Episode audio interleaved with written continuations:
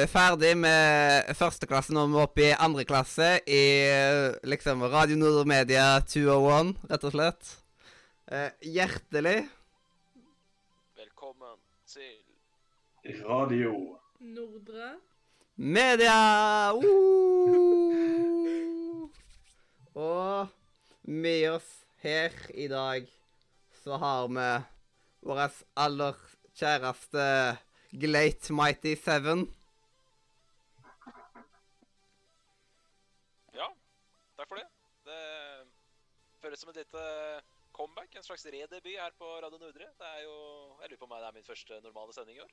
Ja, som du har vært mest for spesialer i år. For å si det sånn. Um, og videre så har vi dagens gjest, uh, Mathias. Aka. Mr. Hauge. Yes, yes. Yes.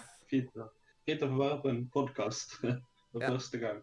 Og det, det er litt gøy at du, du heter Mathias, og så liksom Yes. jeg, jeg kommer ifra Haugesund.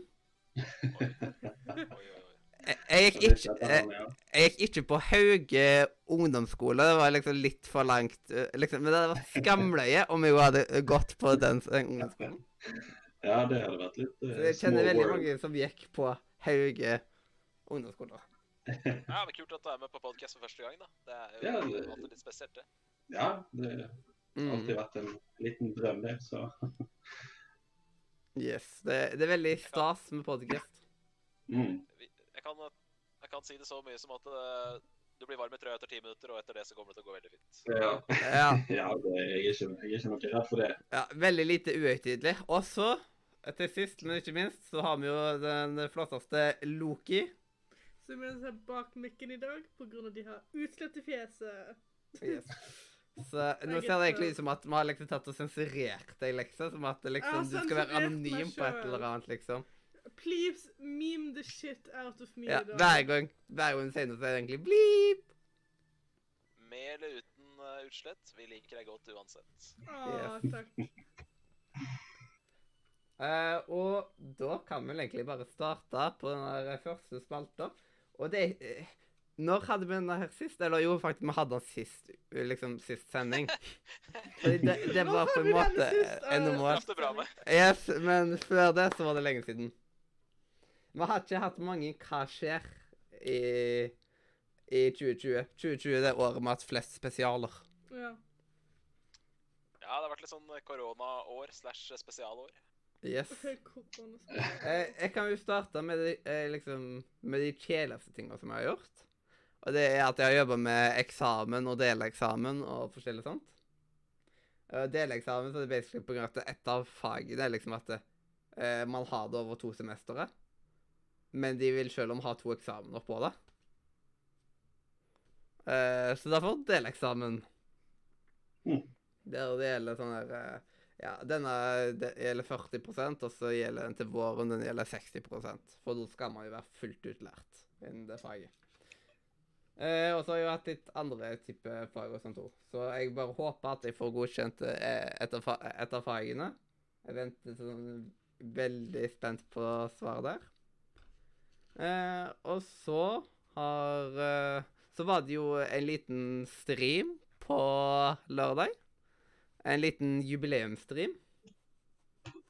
Eh, ettersom at det bare var meg som var i liksom I styringa av den streamen, så gjorde vi omtrent om til en 12 timers stream istedenfor 24 timer. Men da var det liksom at da hadde vi 12 timer uten pause. Men jeg hadde pauser. Ja.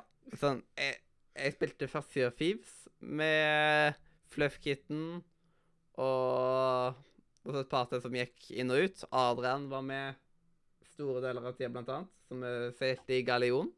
Og da avslutta vi litt i en brigatin til slutt. Med på at det var. Ja. Ehm, og så, etterpå det, så var det radiosending nummer 200. Og så Jeg var med på. Jepp. Det ble en sending på 1 time og 50 minutter, eller noe sånt, siden man mista jo litt tid litt før og etter. Så da ble det jo sånn at den ble litt kortere. Eh, men uansett, etterpå det så var det jo Jackbox Party Pack i ja, halvannen times tid, eller noe sånt. Det Er du jeg fornøyd tid med til. sendinga fra helga, eller? Ja, jeg er ganske fornøyd. For en som ikke har hørt den, er du, vil du anbefale å høre den? Ja.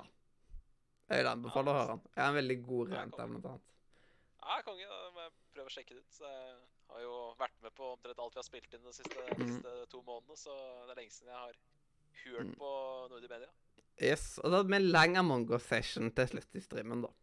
Der var jeg med. Helt Ja. Vel, jeg ble mast med, så han Ja, Først så spilte vi vanlig Among us, og så ble det gjemsel Among us. Det, det ble Jeg jeg på med det. på. Så det Det var stace. Det var stace. Eh, og alt dette her ligger nå ute på YouTube. Liksom alt det vi spilte, og episoden og diverse sånt. Jeg tror jeg kommer til å kun se da jeg spiller Sea of Thieves, for jeg vedder på du bante litt med at du ble stressa. Jeg husker ikke. Jeg husker ikke. Sikkert det. Eh. det er greit. Yes. Og så um, I går så starta jeg på et spill som heter Tell Me Why. Ah, nice, nice. Vi kommer tilbake til det. Vi kommer tilbake til Det Det er på niselista mi, Mathias, så det er, eh, det er nydelig. Men uh, ja, Har du òg spilt det? Uh, jeg har ikke spilt det, nei. Men uh, Det er tre episoder, er det ikke det? Jo. Og du er halvveis i første episode eller noe sånt, eller? Jeg er litt over halvveis. Ja, ah, konge, konge. Eh, Ja, Hva er førsteinntrykket? Er Liker du det? Ja, det, det er ganske bra. Det er liksom, jeg kjenner på liksom at jeg har skikkelig stor lyst til å sette meg ned og spille det. Men samtidig så har jeg liksom alle de andre tingene jeg må få gjort uh, i det virkelige liv. Som å vaske huset, jobbe med eksamen og sånn, sånn type ting.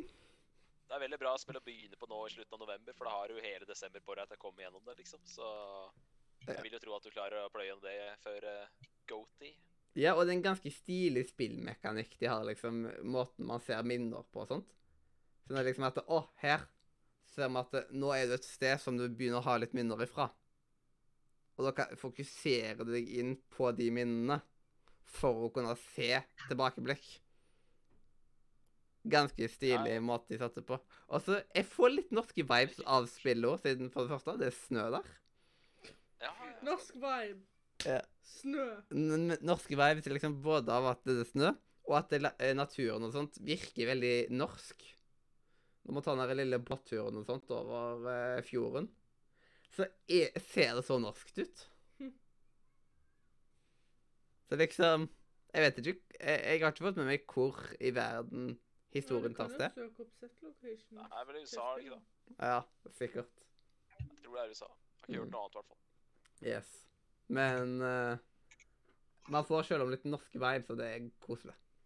Har du uh, trua på at det kan uh, komme helt opp imot Life is Strange 1 for deg?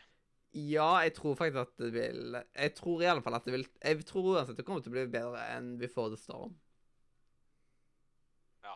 Så jeg tror det kommer til å Det- kanskje legge seg imellom der. Og da er det jo da vil, Hvis det er bedre enn Before the Storm, så vil det også være bedre enn Life is Strange 2. Ja.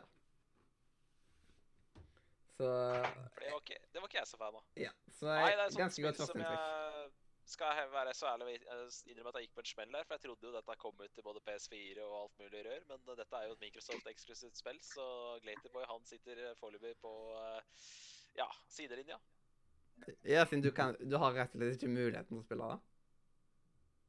Ja, altså har, Man har jo muligheter, men det er ikke noe jeg gidder å prioritere nå. Det er det ikke. Men uh, Nei, det er litt sånn uh, Ble lurt der. Jeg trodde faktisk det spillet skulle komme til PS4. Men uh, det er da et GamePass-spill, så har du PC, Xbox, så er det jo bare å laste det ned via GamePass. Yes, jeg spiller jo gjennom GamePass. Som du har sikra deg til februar eller noe sånt? Nei, til desember. Ah, ok, ok. Ja, men Da må du pløye gjennom det i løpet av året, da. Så da er det jo bare ingen vei tilbake. Mm. No, Ja, men it's Det er no. Det er veldig veldig nice. Uh, du har skaffa deg et annet spill òg som, heter, eh, som handler om vikinger. Ja, siden jeg fikk jo det på billigsalg, kan man vel si. 93% av. Ja. Jævel! Ja, Assassin's Creed Valhalla. Å, fy Wow. faen, jeg gleder meg til å spille det sånn- spillet. En del av meg er misunnelig på alle dere som skaffa den deluxe edition for 179, eller hva det var. Hvor mye var det? 119? Eh, ja, noe så hun, eh, Ja. Ja. Rett over 119, da. 100. 119, Si det, at jeg var 119. Ja. På en, en, måte, en del av meg er misunnelig, men en annen del av meg bare unner dere det så sykt. Jeg gratulerer alle som har klart å skaffe seg det. Så det er litt sånn både med, det er en blanding av misunnelse og at jeg unner alle sammen å plukke opp en deluxe edition av det spillet for en uh, slikk og ingenting. Det er jo nydelig. Og spesielt deg, Mathias, som har hatt litt økonomiske problemer med tanke på Altså, Du har ikke økonomiske problemer, men du har ikke, heller ikke råd til å kjøpe alt det du ønsker av spill. Så da er det jo nydelig at du fikk den eh, Ja, kall det tyveriprisen der, da. Yes. Det var, det var digg. Og når jeg tok og hørte siste episode av Nederlandslaget, og hvordan de snakker om Valhalla òg Og de, de, er er flinke på å hype opp spill. Fy fader. Ja, litt sånn. Jeg litt sånn der, jeg vet ikke om jeg tør å høre denne episoden, for jeg, jeg har jo lyst til å Jeg har på en måte lyst til å spille Valhalla, men jeg må jo klare å begrense meg òg, for jeg kan ikke brenne 700 kroner på alle spill jeg har lyst på i år. Så ja. jeg må passe meg litt for, eh, for å høre den eh, den, eh, den hva heter det, nederlandslaget-episoden. Yes. Men jeg vet jo det at hvis jeg bare overlever to uker til nå, så vet jeg at hypen legger seg litt. For sånn er alltid at det er veldig mye hype den første, den første uka eller to. Så vet jeg at uh, jeg klarer å få kontroll på ting. Det er et spill som har vært kjekt å kunne ha og i beltet til godtidssendinga, da. Det, er det jo. Men eh, jeg har nok andre ting på god tid i år, så det, det er greit. Nå, nå syns jeg vi delte litt opp i reaksjoner i redaksjonen. Nå kan du og Øystein ta det, så kan jeg ta litt andre ting. Så det, det passer meg veldig, veldig bra. Yes. Uh, jeg har spilt uh, mye AC de siste årene.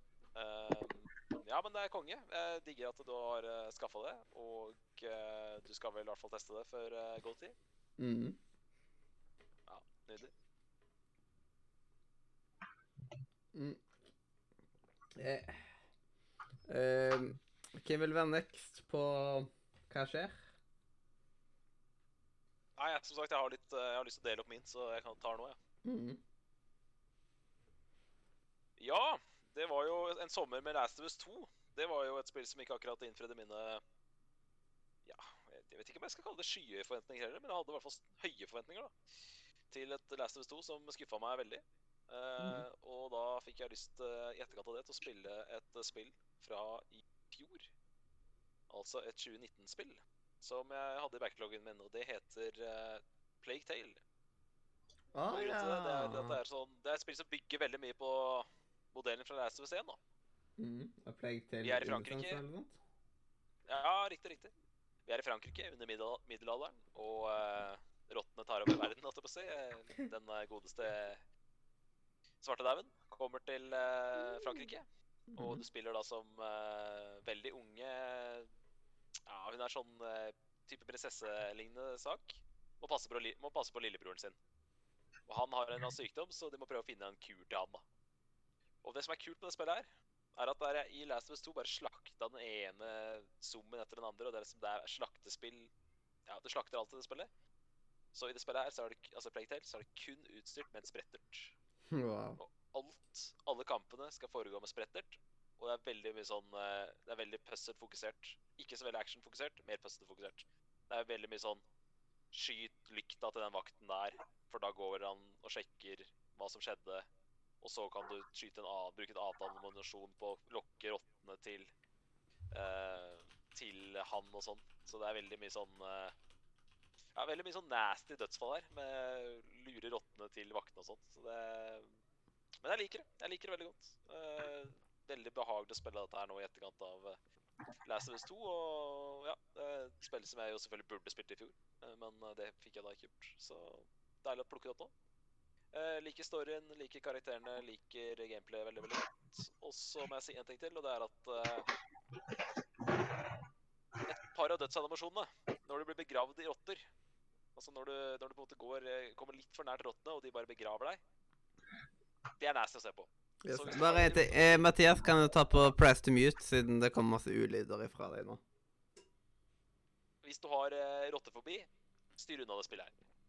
Jeg syns selv det var litt grann ubehagelig til tider. Eh, jeg kjente på det sjøl. Så hvis du har, liksom, har sterk rottefobi, ikke spill det spillet her. Men eh, nei, veld, veldig kult å spille som en, eh, som en veldig sårbar karakter. Kun utstyrt med en spretter, liksom. Jeg likte det veldig godt. Jeg likte det minimalistiske, minimalistiske gameplayet veldig, veldig godt.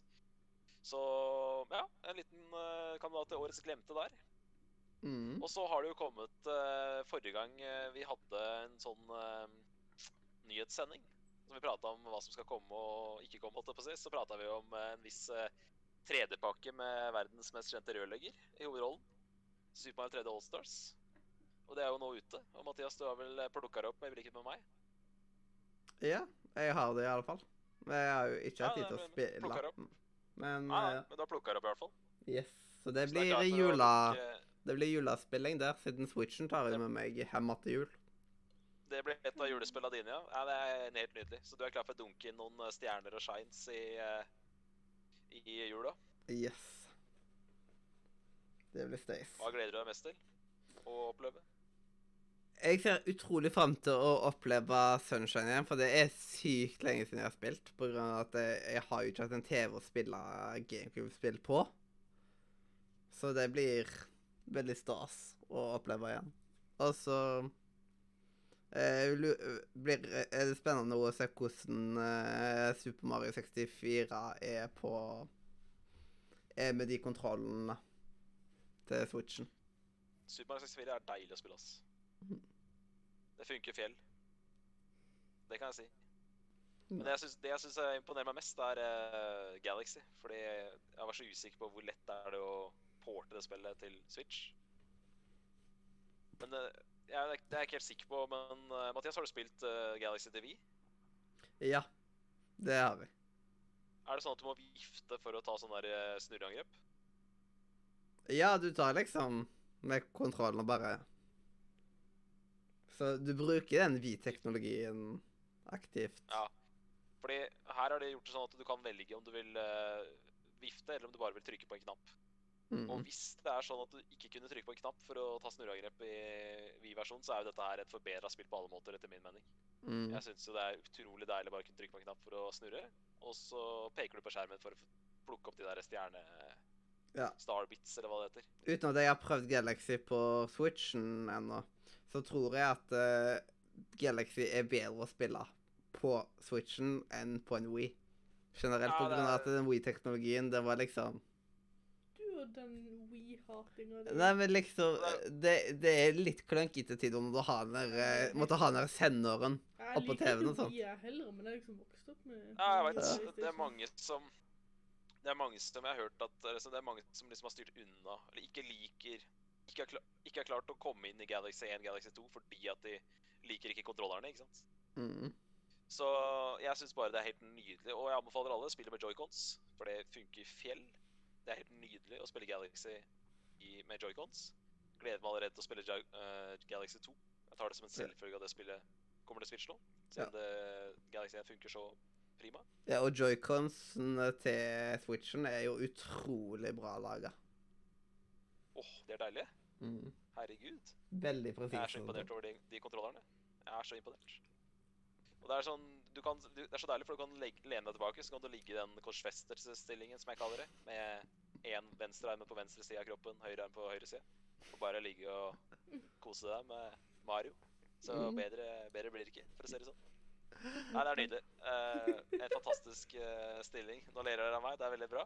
Eh, det, det er flott. Eh, nei, men eh, jeg starta jo på Galaxy, for det var det spillet som Det er det spillet som jeg hadde mest lyst til å spille.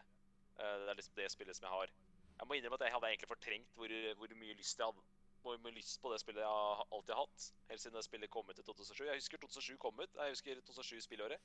Da var det to spill som jeg virkelig sikla på. Det var Assassin's Creed 1. Aller Mhm. første Assassin's Creed-spillet. Og Galaxy. Oh, yeah. uh, og det å spille Galaxy nå 13 år etterpå Åh, man, eh, med den, der HD den nye HD-teknologien på Switch, at det spillet er i HD første gang, det ser så latterlig bra ut. Og egentlig eneste gangen jeg tenker over at det spillet er 13 år gammelt, det er når jeg ser den der stygge Vi-menyen på um, Når man lager det spillet. Så ja. ser man de der stygge klossene fra Vi, og da kommer jeg på at OK, det her er et egentlig et Vi-spill, ja. Ja, for jeg husker jeg så jo på Ja. når Frida streama Galaxy, ja. så husker jeg at det var sånn at det føles et, Man tenkte li- litt sånn at Spiller du på en vin nå, liksom? Ja, det er sant. Ja, de, de der boksene du lagrer når du lager spill, er dritstygge. Alt annet ser helt sinnssykt bra ut. Mm. Det er ikke noe tvil, det er et av tidenes beste plattformspill. Eh, Det at det er et av tidenes beste plattformspill, gjør det også til et av tidenes beste spill. Så det er, det er, så, det er så bra, og det er akkurat så bra som jeg Eller egentlig akkurat så bra som det folk sa for 13 år siden at det spillet var. Ja. Så jeg er litt glad for at jeg klarte å fortrenge hvor mye lyst på det spillet jeg egentlig hadde. Og så er jeg veldig glad for at jeg har spilt det nå. Helt fantastisk spill. Mm. Uh, veldig gøy å spille Super Mario 64 igjen. Det er jo et kongespill. Uh, litt rart å spille det, for det er første gang jeg spiller det spillet lovlig. har liksom alltid enten spilt det på en butikk, uh, sånn type leketøysbutikk, eller spilt det via emulator. Så litt rart å sitte og spille det spillet lovlig. Eh, Mhm. masse hemmeligheter jeg ikke visste om. F.eks. den der spøkelsesbanen ute i hagen. Den har jeg aldri funnet før. Å, Så den, ja. Ja. Eh, det visste ikke jeg. At det går ut i hagen, så er det en hemmelig bane der. Du må bare angripe én bu, og så, så er det spøkelseshuset. Og det spøkelseshuset, det, den banen likte jeg faktisk veldig godt. Syns den skilte seg litt ut. Mm. Eh, men det er liksom litt gøy òg, for det når, man, når man var barn, så føltes de banene i Super Mario 64 føltes så utrolig store ut. Men nå som man har blitt voksen, det har gått 20 år med spillhistorie, man merker at de banene ikke er fullt så store som man, uh, som man huska de som i barndommen. Men eh, det er fortsatt et helt skjevt spill. Og så syns jeg jo at eh, Sunshine ikke er like bra Altså, jeg er ikke like fan av Sunshine som deg, Mathias. Det er fortsatt et Mario-spill. Det er fortsatt dritgøy, liksom. Mhm. Så jeg har veksla på å spille de tre der, egentlig. Og starta på Galaxy, og så begynte jeg på 64. Og så spilte jeg Sunshine en god del. Så tok jeg pause fra Sunshine for å spille mer enn 64. Og så har jeg gått litt fram og tilbake, men men eh, nei, jeg syns Sunshine nå er, eh, er veldig bra. Jeg syns det blekner sammenligna med de to andre. Men eh, hvis, vi, hvis, hvis kun det var Sunshine HD, da Hvis det ikke var de to andre spillene med, så hadde vi jo kost oss eh, som fankeren med Sunshine, liksom. Ja. Så Nei, men jeg, jeg forstår veldig godt at uh, du, Mathias, som har vokst opp med GameCube, har den At GameCube er ditt hjertebarn. Jeg forstår veldig godt at uh, du er glad i Sunshine. Yes. Det er et skjevt spill, det òg, for å si det sånn. Mm. Så nei. Uh, jeg du, For å si det sånn, du får kose deg med tredje Allstars i, uh, i jula, Mathias. Unner deg det. Og eh, jeg, jeg koser meg glugg med alle tre. Og nå har jeg nesten runda nå har, jeg, nå har jeg tatt så mange stjerner at jeg kan runde Galaxy. Jeg kan runde 64. Og så er jeg vel tipper jeg halvveis på Sunshine. Yes, og jeg har Luigi's, uh, Luigi's Mansion 3 på ønskelista mi andre år på rad nå. Da krysser vi fingrene for deg på den. Yes. I fjor så fikk jeg jo Pokémon Sword, liksom, til jul. Så det liksom Yeah. Det tror jeg skal være et uh, julespill for meg i år. Mm. For det har jeg eh, på lista, for å si sånn. Det er sånn, det er sånn for meg er Pokémon veldig sånn kosespill, og det er litt sånn feriespill òg. Så det har jeg lyst til å sette meg ned med i adventstiden. Men jeg må prøve å trykke inn litt eh, 20, 20 titler også, sånn at jeg får eh, litt mer å prate om på Goaty. Men jeg kommer tilbake til. Jeg har satt opp Goaty som et tema på Nise her. Men eh, greit, da sender jeg stafettpinnen videre, så kommer jeg tilbake med tre spill til etterpå. Yes. Mathias? Ja, da var det meg. ja, eh, jeg har jo holdt på med sånn eksamensforberedelser og sånt, eh, i likhet med deg, Mathias, nå, nå i november-desember. Og to eksamener som jeg skal gjennom. Har vært igjennom én allerede. Det var noe greit helvete. Det var matteeksamen, så det er fint. Mhm. Så den hadde jeg for ikke så lenge siden. Eh, Og så har jeg en naturfagseksamen igjen og i begynnelsen av desember. Så jeg har litt tid på den. Så jeg har, fått, eh, har jeg faktisk fått spilt en del nå eh, de siste ukene. Eh, I hvert fall etter det nye Call of Duty kom ut. Det kom ut forrige fredag. Mm.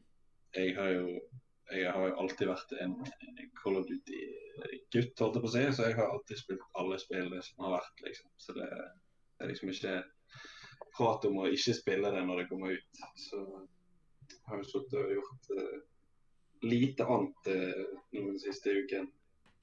Ja, men det er konge. Mathias og jeg kommer ikke til å spille hva Veit dere nye? Black Cold, Ops Cold War.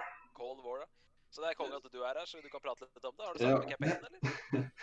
Du, jeg har så vidt startet på campaign. Um, men altså Jeg har ikke kommet så veldig inn i det ennå, men jeg syns hele det premisset og hele på en måte eh, storyen rundt uh, den kalde krigen mellom Sovjet og USA er et veldig spennende tema. Som jeg føler ikke, ikke har blitt på en måte dekt så veldig i, i andre typer store sånne trippel A-spill. da.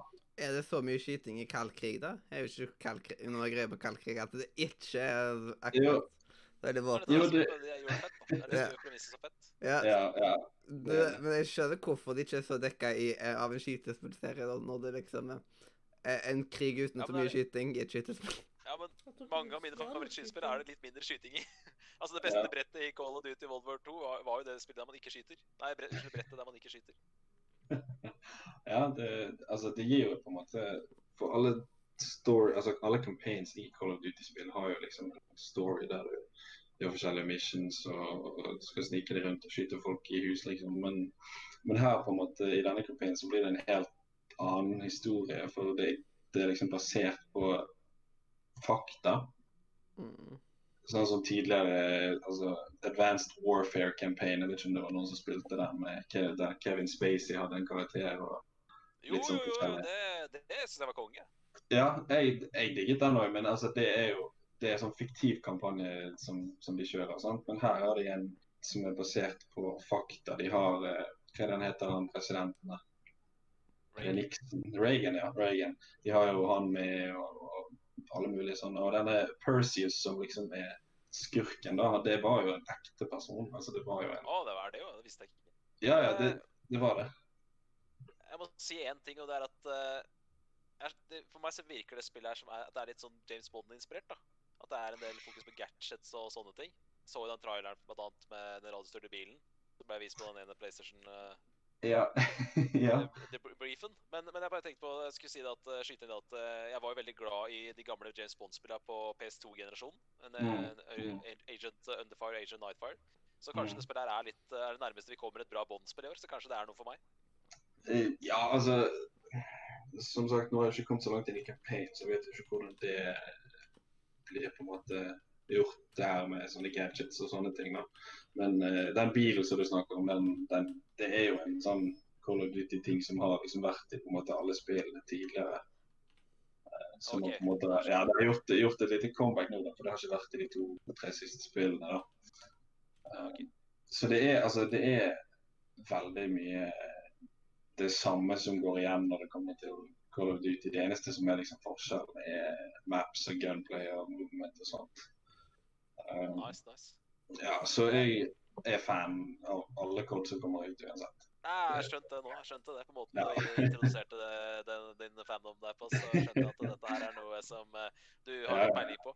Men Ja. eh, nei, jeg må bare si det at eh, jeg har alltid vært fan av Modern Warfare-serien. Og så har jeg aldri Ja. Black Ops en skikkelig sjanse. Men jeg Ja, det- at når de liksom viser når de, når de selger spillet med liksom å vise fram Ronald Reagan i en trailer, så kjenner jeg jo at jeg blir mer interessert enn jeg har noensinne har vært tidligere. Ja, ja, absolutt. Og det er jo liksom sånn, altså Selv om du ikke liker på en måte FPS-sjangeren og ikke liker det her med multiplayer og skal skyte tolv stykker på det andre laget, så er jo det campaignen som du har en, en ganske lang campaign. Eh, Og så har du zombies på andre siden. Jeg vet ikke om noen av dere har erfaring med Call of Duty Ah, zombies, det har jeg alltid driti i. Ja, sant. Det, det, jeg, jeg har alltid elsket det òg. Jeg har alltid spilt dritmye av zombies og multiplayer og egentlig alt som, som er mulig å spille. Da. Så jeg, eh, jeg digger å gjøre sånne easter eggs og, og alt mulig sånt på zombies. Det syns jeg er ordentlig greier, gøy. Ja, men konge, det. Konge. Mm. Så Så- ja. ja.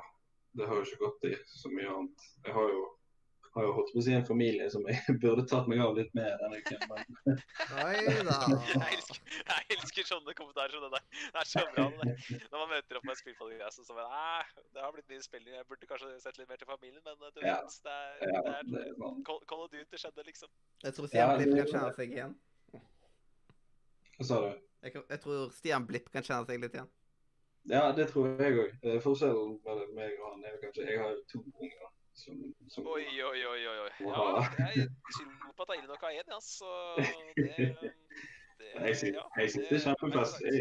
Jeg, synes det er kjempefestlig. Men eh, Det er bra du koser deg med det. ja, det tar, det tar selvfølgelig litt tid av spillingen, da, men det er på en måte verdt det.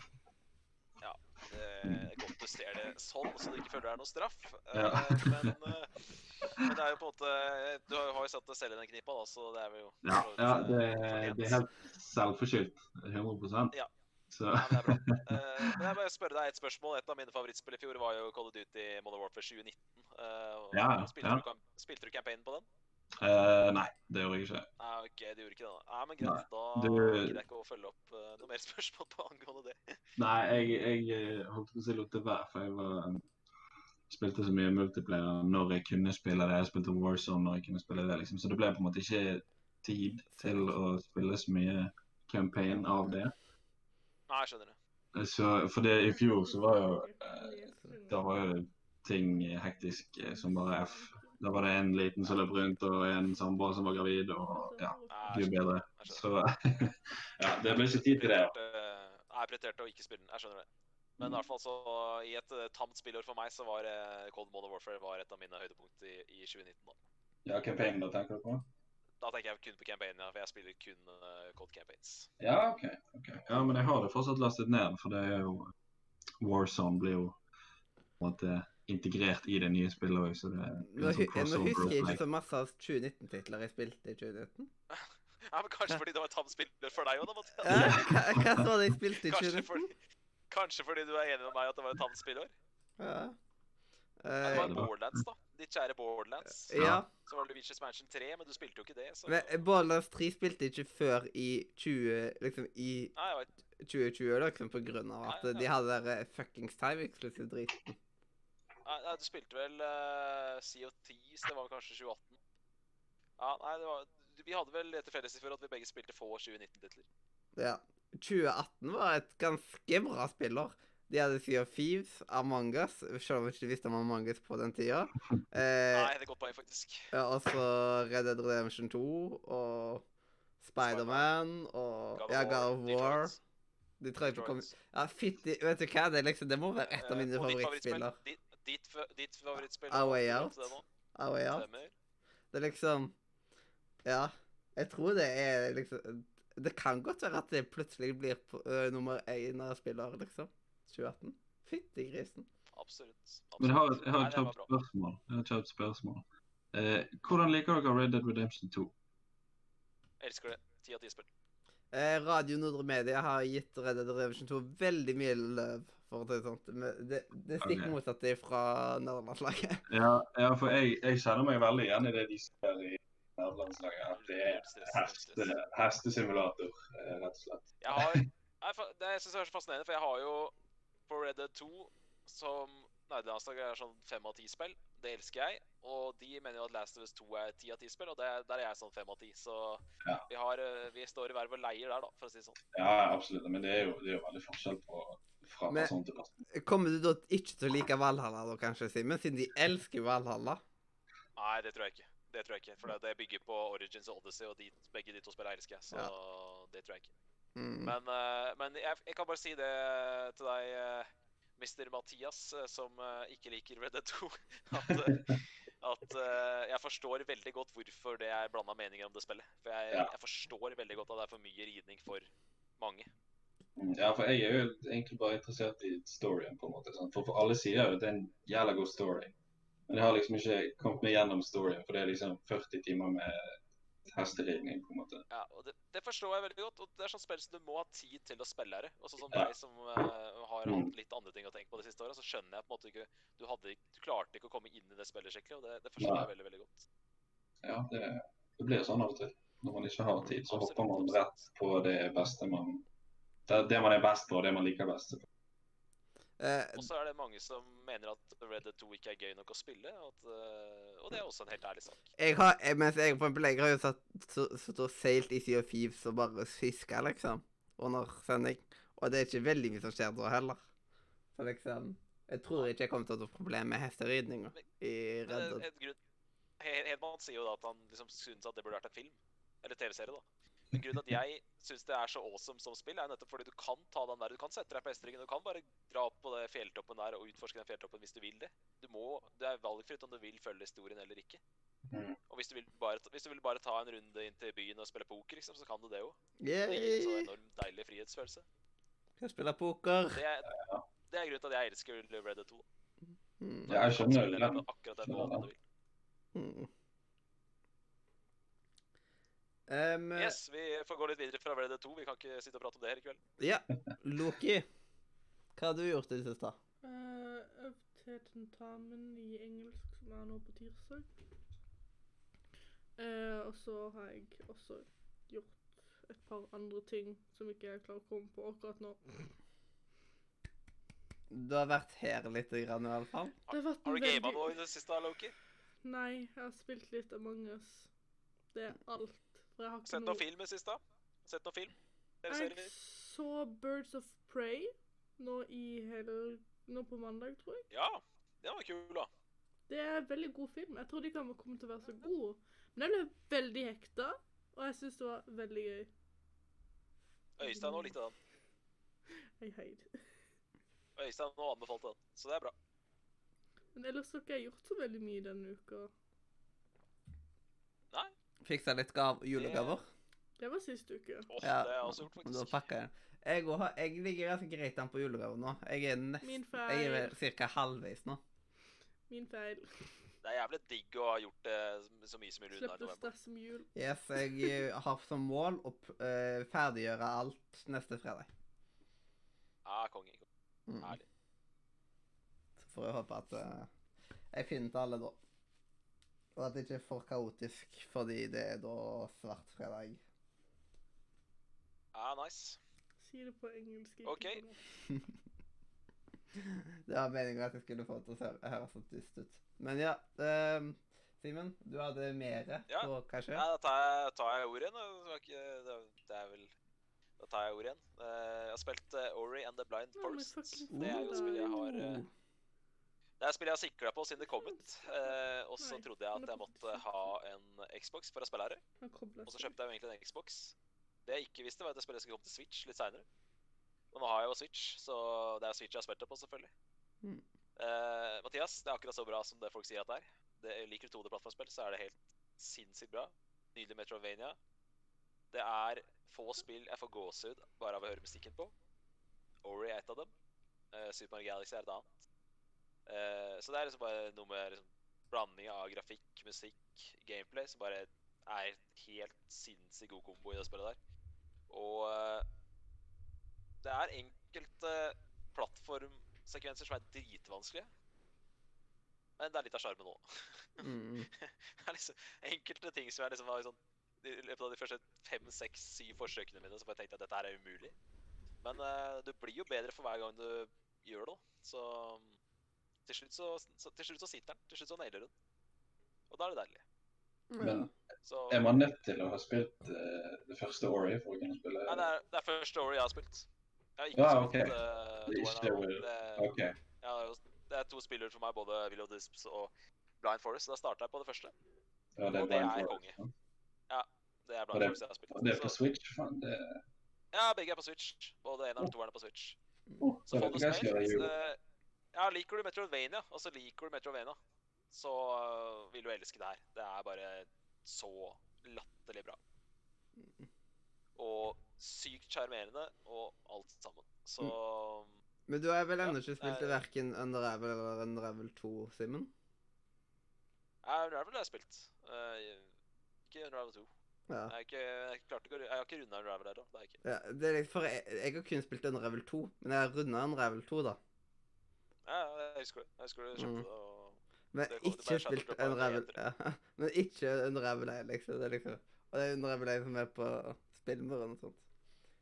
Jeg husker Unravel 1 traff meg veldig på det det prøvde på, med å liksom dytte inn nostalgi og sånn. Og det spillet jo Det sp- spillet foregår jo i Sverige.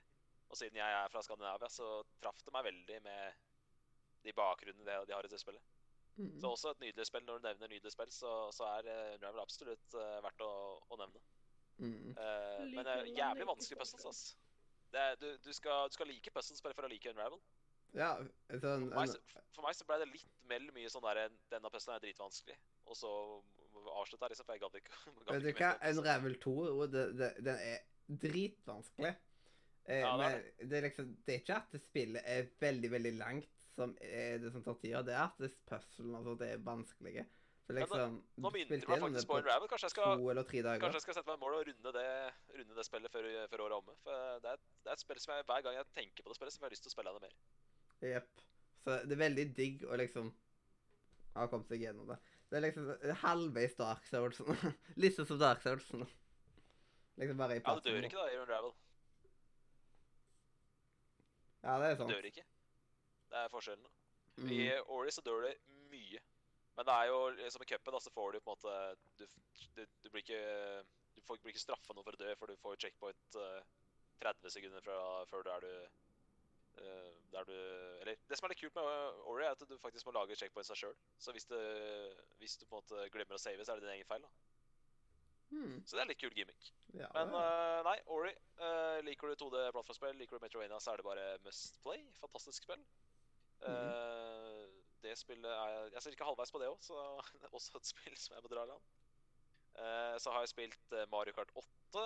Det vil si, jeg har spilt uh, deluxe-versjonen av Mario Kart 8. Mhm. Og Mathias, jeg veit at du elsker Double Dash, og det er ditt Mario Kart-spill. Ditt favoritt Mario Kart, og vil alltid være ditt favoritt Mario Kart. Mhm. Og mitt favoritt Mario Kart er 64-versjonen. Og, og jeg har liksom alltid tenkt at det vil være mitt favoritt Mario Kart. Men nå har jeg fått et nytt favoritt Mario Kart. Det spillet her er bedre på alle måter. Det er helt fantastisk bra. Flyter enormt bra. Nydelig grafikk. Du får jo alle cupene fra start når du kjøper Dulux-versjonen. Tolv cuper å velge mellom. Zelda-baner med remixa utgaver av uh, Zelda-musikken. Dritkult. Uh, elsker den der Vario-isbanen. Førstemann ned fra fjellet. Den syns jeg er helt fantastisk. Og uh, ja, det er bare vanvittig kosespill. Og det som jeg digger med Mario Kart, er at det er, hver cup tar ca. et kvarter. Så det er perfekt sånn pick up and play-spill for bare et kvarter eller halvtime med moro. Eh, og det er gøy én player, det er gøy to player, det er gøy tre player, det er gøy fire player. Og det er gøy online. Så det er liksom Det, er, det er spillet der har alt, ass. Kongespill. Så det, det er vel Jeg tror ikke det er mange som ikke liker Mario Kart 8. Mm. Det er et, eh, det er et mesterverk. Yes. Har du skaffa deg det, Mathias? Mario Kart eh, liksom, Familien min har Mario Kart eh, 8 Deluxe, og liksom Alltid i ferier og sånt, så finner de fram Mario Kart 8 Deluxe, og så spiller man det på Switchen. Ja, Så Altså, du, spill du spiller det i ferien? Ja, vi spiller eh, Mario Kart Nice. på broren min sin Switch, og spiller med. Smash på min Switch. Ja, herlig, herlig. Ja, men Det er nydelig. Det er jo sånn, det, det er sånn man bør spille Mario Kart. Spille her i ferier og sånn når man er, er en del folk. Mm. Så det er, det er dritkult. Og så til slutt her så har jeg spilt eh, beste, beste Radio Nordre Medias favoritt singleplayerspill fra 2019, faktisk. Uh, Luigi's Mansion 3. Ja. Det vant jo Det var jo en Radio Nordre Media-favoritt på vår forrige Goti. Mm. Og det har jeg spilt nå. Og eh, vi har jo planer om å ha en eh, pris for årets kosespill i eh, 2020. Hvis vi Mhm. hadde hatt den eh, prisen i fjor, så veit jeg hva, hvilke spill jeg syns hadde fortjent prisen. Yes. For Luigi's Mansion 3, det er, eh, det er definisjonen på kosespill. Mm. Premisset er jo da at eh, Luigi tar med seg vennene sine, Mario og Peach og et par Toads, og skal reise på ferie. Og reiser da til et hotell. Og det hotellet er litt Man merker fort at det hotellet der er litt rart. Det er et eller annet rart med det hotellet der. Og så skjer jo det som må, må skje. Vennene hans blir kidnappa, putta i noen bilder. Og så må du da, i rollen som Luigi, gå rundt fra hotelletasje til hotelletasje og samle inn eh, knapper. Fordi heisknappen er borte, så du må, du må finne knappene eh, for å putte de i heisen. Og så skal du da komme deg opp til eh, øverste etasje. Oi, oi. Og det er hele poenget med spillet. Mm. Så det er jo veldig simpel gameplay, vil jeg si. Eh, du går rundt og støvsuger hvert eneste Hvert eneste område, hver, hvert eneste rom. Og det er det man gjør. Men det er jo på en måte den derre når, du- når det er Nintendo som lager spillet Det høres jo veldig kjedelig ut, men når det er Nintendo som lager spillet, så har du den derre deilige Nintendo-skjermen som gjør at spillet her er så bra. Og uh, jeg syns eh, spillet er eh, Ja, som sagt, skikkelig kosespill. Det er sånn Spillet lagrer For hver gang du går inn i en dør, så lagrer spillet automatisk. Så det er perfekt Man merker at spillet er lagd veldig for Switchen. Du skal kunne ta det med deg på bussen liksom spille 10-15 minutter der. Eh, så det er sånn perfekt spill å spille en time eller to, og perfekt spill å bare spille et kvarter. Så det er konge på akkurat det. Mm. Og eh, han der professor Egad, han som lager denne støvsugeren, han er tilbake her. Han må innrømme at han er en art veldig artig sidekick. Liker han veldig godt. Syns han er veldig morsom. Uh, spesielt han hadde mye morsom dialog i Luigi's Mansion 2, husker jeg. Så nei, han er tilbake her også og lager denne Gooichi, som vi husker fra traileren. Så Eh, Gooichi Hva er en sjarmerende konsoll var eh, Luigi's Mansion 2 på? 3DS. OK. Ja, sånn, eh, de, jeg sp- eh, det er liksom 3DS har jo allerede, så det er så sykt mange spill jeg aldri har borti. eh, Nei, fra nei, men 3DS forhåpentlig så generasjonen. Jeg vil jo tro at eh, Nintendo kjenner sin besøkelsestid og begynner å legge ut 3DS-spill til, eh, til Switch etter hvert òg. Mm. Jeg håper ikke de går i glemmeboka, liksom. Selv om det er touchpad og sånne ting, så var det veldig mange spill som ikke du trengte den touchpaden på. Ja. Så jeg håper det, i hvert fall. Men eh, det får vi se på. Men i hvert fall så Ja, han Igad er veldig kul. Morsom, morsom type. Goichi, han er ja, han, han, tilfører en del til puzzlene, men ikke så mye mer enn det. Men det som gjør spillet magisk, da, for det spillet høres litt simpelt ut, bare gå fra rom til rom og støvsuge, men det som gjør spillet magisk, det er at på hver eneste etasje så er det et sjefsspøkelse, en såkalt boss. Og hver eneste Ja, det glemte jeg å si også, at hver eneste etasje i spillet har sitt eget tema. Så det er liksom en etasje der det er musikktema, en der det er kinotema, en der det er sånn En som bare er svær restaurant, liksom. Det er kult. Mhm. Og så hver eneste boss har sitt eget uh, særpreg, og de bossene er skikkelig skikkelig kule. Og det gir at du alltid har lyst til å komme til neste nivå, for du har lyst til å se hvilken, uh, neste, hvilken boss som skjuler seg på neste nivå. Mhm. Så Øystein han sier jo at han er veldig uenig i prisen for beste singleplayer i 2019. Det må han gjerne være. Eh, Jeg er mer uenig i at det var vant beste gameplay, men eh, i et tapt spillår 2019 så syns jeg det er helt greit at det spillet her vant beste singleplayer. Men Øystein har vel ikke også- spilt Luigi's Mansion i det hele tatt? Han bare Det har bare han ikke, men han, men Ja, han må få lov til å melde litt, Mathias. Yes. Det gjør du og jeg òg, så Mm. vi, er, ikke- vi er ikke på en måte, Øystein er ikke aleine om å melde litt på spill han ikke har spilt. Men eh, til slutt så vil jeg bare si at det spillet vant vel også Det fikk vel også andreplassen, kun slått av eh, Death Stranding på beste spill. Ja. Så eh, i et tamt spillår 2019 så er dette definitivt et av mine høydepunkter. Ja, Death Stranding var jo et av spillene fra 2019, ja. Stemmer, stemmer. Nå kommer Christer til å Eh. hate meg, vet du, fordi liksom at jeg ikke kom på Death Stranding når vi snakket om 2019. Ja, ja, ja, men så, sånn Mm. er det. Du spilte jo det i januar, liksom, så det er ikke så rart, det. Mm. Men, men igjen, da. eh, Spillåret 2019 var ikke min favoritt, men Luigi's Mansion 3 er et av, definitivt en av mine favoritter fra, fra 2019. Ja. Um, jeg vil bare komme ut med en liten shout-out til Solveig på Discord-serveren, som, skal ha- som skal ha Harry Potter-maraton med mora si. Ah, det er nydelig. Det er musikk i uh, mine ører, og sikkert dine også, Mathias. Yes. Det skal faktisk jeg òg i, i julen. Så med min søster, da, vel å merke. Siden vi, har, vi pleier å ha det med, med altså fettere og kusiner. Det pleier vi å ha hvert eneste år med sånn ti stykker. Men nå pga. restriksjoner og alt mulig sånn, så er jeg nødt til å bare ha det med min søster. Men det, jeg kjenner ikke en større Harry Potter-fan enn min søster, så det går nok fint. Ah, nice, nice, nice. Yep. Konge, konge. Um, OK, eh, siden, siden det nærmer seg eh, desember, så skal jeg tease én siste ting. Og det er at I går så satt jeg på PlayStation Store og så så jeg et sånt julespill, som sikkert er et drittspill. Men det finnes ikke så mange julespill til PlayStation, så jeg tenkte shit, det er 80 kroner, jeg kan vel unne meg det i en liten julegave til meg sjøl. Så da lasta jeg ned et eh, julespill til PlayStation. Som jeg skal i hvert fall, i hvert fall gi en halvtime i desember. Så det er sikkert et drittspill. Sikkert ikke verdt 80 kroner. Men må man unne seg litt når det er jul, for det er som Gjertrud sier, det er bare jul én gang i året. Yes. Så da har jeg en liten sånn wildcard, et wildcard som jeg kan komme tilbake til på, på uh, adventstøy Radio Nordre Media. I tidligere i november så, så jeg og Loki på Gledelig jul på kino. Så liksom, vi, begynte, vi fikk liksom smått julestemning allerede der. Ulovlig julestemning i første Ja, det, ja, det kjente jeg liksom at Å, jeg kan ikke ha julestemning, jeg kan ikke ha julestemning. og så bare, ah. Og Ulovlig julestemning, faktisk. Ja, Ja, men helt ærlig, i år så har det vært korona.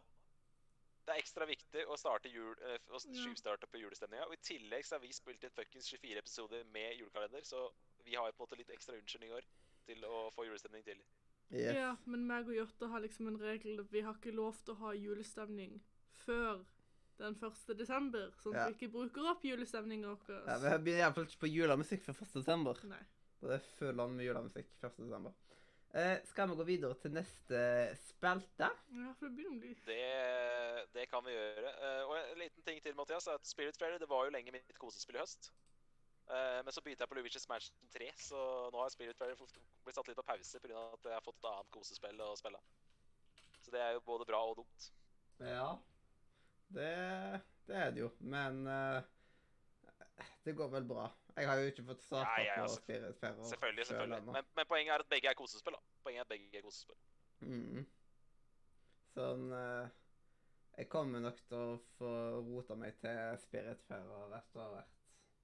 Da er jeg programmet programleder på neste spalte, men jeg tar en liten piss, så da får dere starte uten meg. Ja, først er det jo i fokus. Iallfall det lettest Eh, Det passer bra, det. Det Ja. bra. I fokus. Yes. Nydelig jingle, ikke sant? Kjempekjapp. Yes. Og da lurer uh, Hvis du bare kan ta og fortelle litt om deg sjøl, liksom. For introdusere deg sjøl, måtte bli litt bedre kjent med deg. Ja, eh, jeg heter jo òg eh, Mathias. Eh, det er vel det beste navnet som, som fins, vil jeg si. Eh, jeg er 22 år. Jeg bor på Askøy utenfor Bergen. Sikkert ikke så mange som har hørt om det. Og Jo, jeg kjenner mange på Askøy.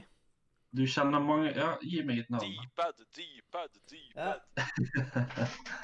Markus Vindenes. eh, Eller han heter Markus Thomas Dean Vindenes. Altså Be Benjamin Vindenes og liksom hele den familien der, da. Eh, han som har tatt og Han du hørte der, som sa 'I fokus'. Han heter Jon Edvard, og han kommer også fra Askøy. Ja, eh, Genius. Ja. Ja, han vet jeg eh, hvem er. Jeg, jeg har holdt på å si snakket med han litt i tidligere liv, holdt jeg på å si, men ja. En dritkul type. ja han, er, han er kul. Yes. Yes. Ja, men jeg, eh, jeg Foreløpig så går jeg på skole. Jeg holder på med eksamen og sånt nå. Skal jo ha semester til eh, neste år. Og så er jeg vel ferdig med det. Da har jeg greid eh, Bachelor? Hva er det? Det står helt stilt. Det står helt stilt. Nei da, det er? Doktor? videre, videregående Ah. sjanse. Eh, Ja, Ja, nei, jeg har ikke helt master. Jeg har ikke helt eh, mastergrad i noe helt spesielt ennå. Kanskje Call of Duty, men eh, Ja. ikke så mye annet. Jeg holder på med bachelor i multimedieteknologi. Ja, OK. Er det spennende. Både og. Akkurat de fagene jeg har dette halvåret, her er litt kjedelig, men det blir spennende, mer spennende etter hvert. Spennende. Ja, i år, liksom dette halvåret her, så er liksom mer Det, grunn, det er liksom Grunnsteinene. Ja, ok. Grunnsteiner. Yes. Så du, du har akkurat begynt, ja? Ja, dette er første året. Ja, men det er jo Det er jo Jeg på folkehøyskole i fjor. Ja, OK. Så hva folkehøyskole gikk du på? Folkehøgskolen Sørlandet. Eh, Sørlandet? ja. Ja, Ja, OK. Hvorfor der nede? Eh, fordi jeg ville Jeg ville se om det var noen folkehøyskoler på Sørlandet. Og så lekte jeg meg så godt på Sørlandet at jeg tok og ble videre for å gå på UiA. Ja, OK. Mm. Så ikke, bor du på Sørlandet nå, liksom? Ja. Bor i. Kristiansand. Ja, okay. Kristiansand? Ja, jeg har jo egentlig ganske mange venner fra Kristiansand. Ja. Som er veldig store gaming heads. Nice. Som faktisk eh, De skal faktisk De holder på å preppe til å raide i Destiny 2 Ja. eh, nå på lørdag, og de skal prøve å få eh, World's First, har de sagt til meg. Jeg er ikke helt sikker på om de klarer det, men Mm. de skal i hvert fall prøve på de nye expansion som har- Har du, har du noe erfaring med Destiny 2? Eh, Jeg har Jeg eh, Det er liksom eh, Jeg spilte det sammen med eksen, så det er liksom Ja, OK, så, så tema. Ja, så det er liksom Det er liksom har, eh, Da har man litt annet forhold til spillet på grunn av det. Ja, jeg skjønner. jeg skjønner. Ja, altså, men har du spilt Star Wars. Star Wars, ja. Mm. Bare to jeg år. Ja. Jeg er jo jeg, altså, jeg er blodfan av Destiny-serien òg. Jeg fikk jo Hva er det? Destiny, Destiny kom ut i 2014. Det er faen lenge siden. Altså. Det er Mm. lenge siden. Jeg fikk ikke det på launch. Jeg hadde ikke hørt om at det skulle komme noe nytt svært av Bungie eller noe som helst. Jeg fikk det i julegave, faktisk, Mm. av kusinen min. Så det var liksom det jeg satt i i julen i 2014 og spilte det. Det er jo helt Ja. Altså, det er kanskje en av mine beste spillopplevelser noen gang, faktisk. Mm. Så det, det er litt om meg. Jeg kan, jeg kan jo si at jeg har jo jeg har samboer. Jeg har to barn som sikkert har kommet frem. Så den spillingen jeg får gjort, blir litt mer som uh, hoppe på i noen timer i, i uken og Mm. fyre, fyre noen kills i Call of Duty. Det er liksom det det går i. Ja. Så, men jeg har, jeg har jo eh, blitt litt mer sånn interessert i, i andre typer spill. da, eh, Egentlig pga. denne nederlandslagspodkasten som, eh, som er, som Mm. gjør at jeg blir litt mer åpen mot andre spillere. Yes. Og da kan man jo ta og gjøre liksom som de tar og spør i nederlandslaget, liksom. Sånn. Hvor, hvor var det spillinteressen starta, liksom? Hva var det første? Hadde du en spillonkel? Nei, jeg hadde ikke det, altså. Men jeg har, jeg har veldig mye Ikke veldig mange. Jeg har fettere og kusiner og sånt som er på min alder, som har alltid vært sånn gamefolk. Mm. Eh, Så jeg kom liksom litt inn i det der. Jeg husker, jeg husker første typ, kanskje spillopplevelsen som jeg husker veldig godt. da. Det er jo Vi var på ferie. Jeg husker ikke hvor vi var på ferie. Jeg husker vi kjørte. Og så husker jeg at mamma kjøpte en, en Gameboy Advance til meg på butikken. Med eh, Star Wars eh, episode 3-spill. Mm. Eh, og det satt, jeg satt og spilte det hele den turen. Og det er liksom det er på en måte det første jeg husker sånn ordentlig godt. da. Ja. Så, eh, det var gode tider. Jeg husker fortsatt det spillet. Jeg husker ikke hva det heter, eller noe som helst, men jeg husker selve gameplay. Det var vel 2D-gameplay og, og hele pakken. Mm. Så det var gode gamle dager. Jeg har en gamer color liggende på rommet til en eller annen plass. Ja, det, altså, det var nydelig, nydelige konsoller Gameboy. Altså. De var helt fantastiske. Nei, og så videre der Det var liksom ikke så mye spilling da jeg, når jeg gikk på barneskole og sånt. Da var det liksom litt mer det å være barn og være ute og, og drive dank, liksom. Mm. Um, men når det kom til ungdomsskolen, sånn, så var jo, det var jo Fifa begynte å bli liksom sånn kult. Det var jo i hva var det da, 2011? Mm. Ja, noe sånt. Det var liksom, Ungdomsskolen var liksom da jeg spilte alle de kule som spilte fotball og sånt. De spilte jo Fifa. Da slengte jo vi oss på. sant? Og da spilte jeg litt, litt det, og så man- Altså, man blir Jeg vet ikke om dere har spilt mye Fifa, men man blir så sur når man spiller Fifa. Jeg har hørt historier av Stian Blipp som har tatt og ødelagt stuebord og litt sånt. Ja, altså, det, det er helt ekstremt hvor sur man blir når man faktisk ikke får til ting. så, men det var det. Og så, har det liksom vært litt sånn Call of Duty av og på eh, eh, fram og tilbake da. Eh, men egentlig helt siden 2014, siden Destiny 1 kom ut, og jeg fikk sånn på en måte frelse-moment, da, eh, så har det egentlig vært eh, gaming en veldig stor del av, av livet, da, rett og slett.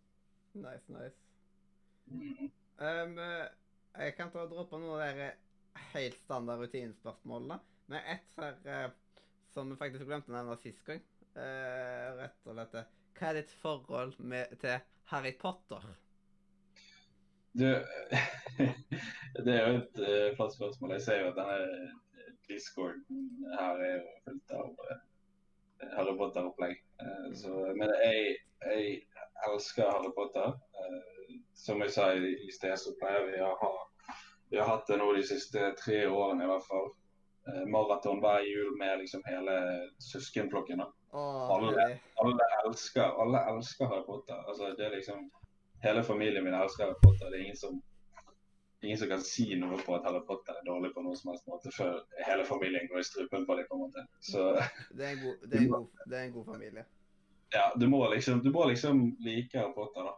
Um, jeg ble faktisk nettopp ferdig med å høre alle bøkene på lydbok. Mm. For jeg har jo Jeg er jo ikke sånn stor fan av å lese ting. Ja, ikke jeg heller. Nei, sant. Og jeg har ikke liksom tid til å sitte og, og lese heller. eh, Når det går i unger og barnehage. Og, sant? Så når jeg, når jeg gjør ting, når jeg rydder, når jeg går på tur, whatever it is, så har jeg hatt uh, Harry Potter på lydbok på ørene. Så det har jo gått ganske radig. Ja. Uh, så jeg, jeg, var litt, jeg var litt trist uh, når jeg var ferdig med bøkene, for jeg visste liksom ikke hva jeg skulle gjøre. Så ja. Det er Du starter på nytt. Ja, jeg vurderte det faktisk. Jeg vurderte det faktisk. Uh, men hva, hva huset er dere i, da? Eh, Hufflepuff. Begge to. Oi, oi, oi. Så dere har vært på Pottermore og gjort hele det plagget der? Mm. Hva ser du i, da? Det, jeg, er, jeg er faktisk Ravenclaw. Vet du hva, da skal jeg putte deg i Ravenclaw akkurat nå, as we speak. Vær så god, nå er du Jeg er som. Andreas Hedemann. Jeg er et sted mellom Ravenclaw og Håsblås. Ja, så du har ikke, har ikke gjort det Blås, det er en Huffleclaw, ja. ja, en Huffleclaw, ja. Eller Det er Ravenpuff. Og så som barn så tror jeg at jeg var smyger. Så hvis jeg Jeg hvis jeg hadde gått håp. på- ja, Hvis jeg hadde gått på barn, hvis jeg hadde begynt på Galtvort som tiåring, elleveåring, så tror jeg det ble faktisk valget at den hadde valgt Smyger. Griffing. Jeg er Ja, veldig med mye det er jo ikke bare negativt. Mm. Jeg og Loki har tenkt å ta oss en det. tur synes, til eh, Harry Potter. Smygar er jo bare fordi at, en, eh, bare fordi at eh, Harry Potter hater Smygar, så betyr ikke at resten av verden trenger å gjøre det. Jeg og Loki har tenkt å ta oss en tur til Harry Potter-land for for å dra til Olivander. Liksom for å få en stav, for å kjøpe stav, liksom for å få utvalgt en stav. Og liksom ha valghatten, vet du, for å liksom bli sortert til et hus av valghatten. Så lenge ikke jeg blir griffing. Mm. Da, da, da brenner jeg valgkatten. Oi, da. Da har han gjort feil. Mm. er litt fucked up. Mm.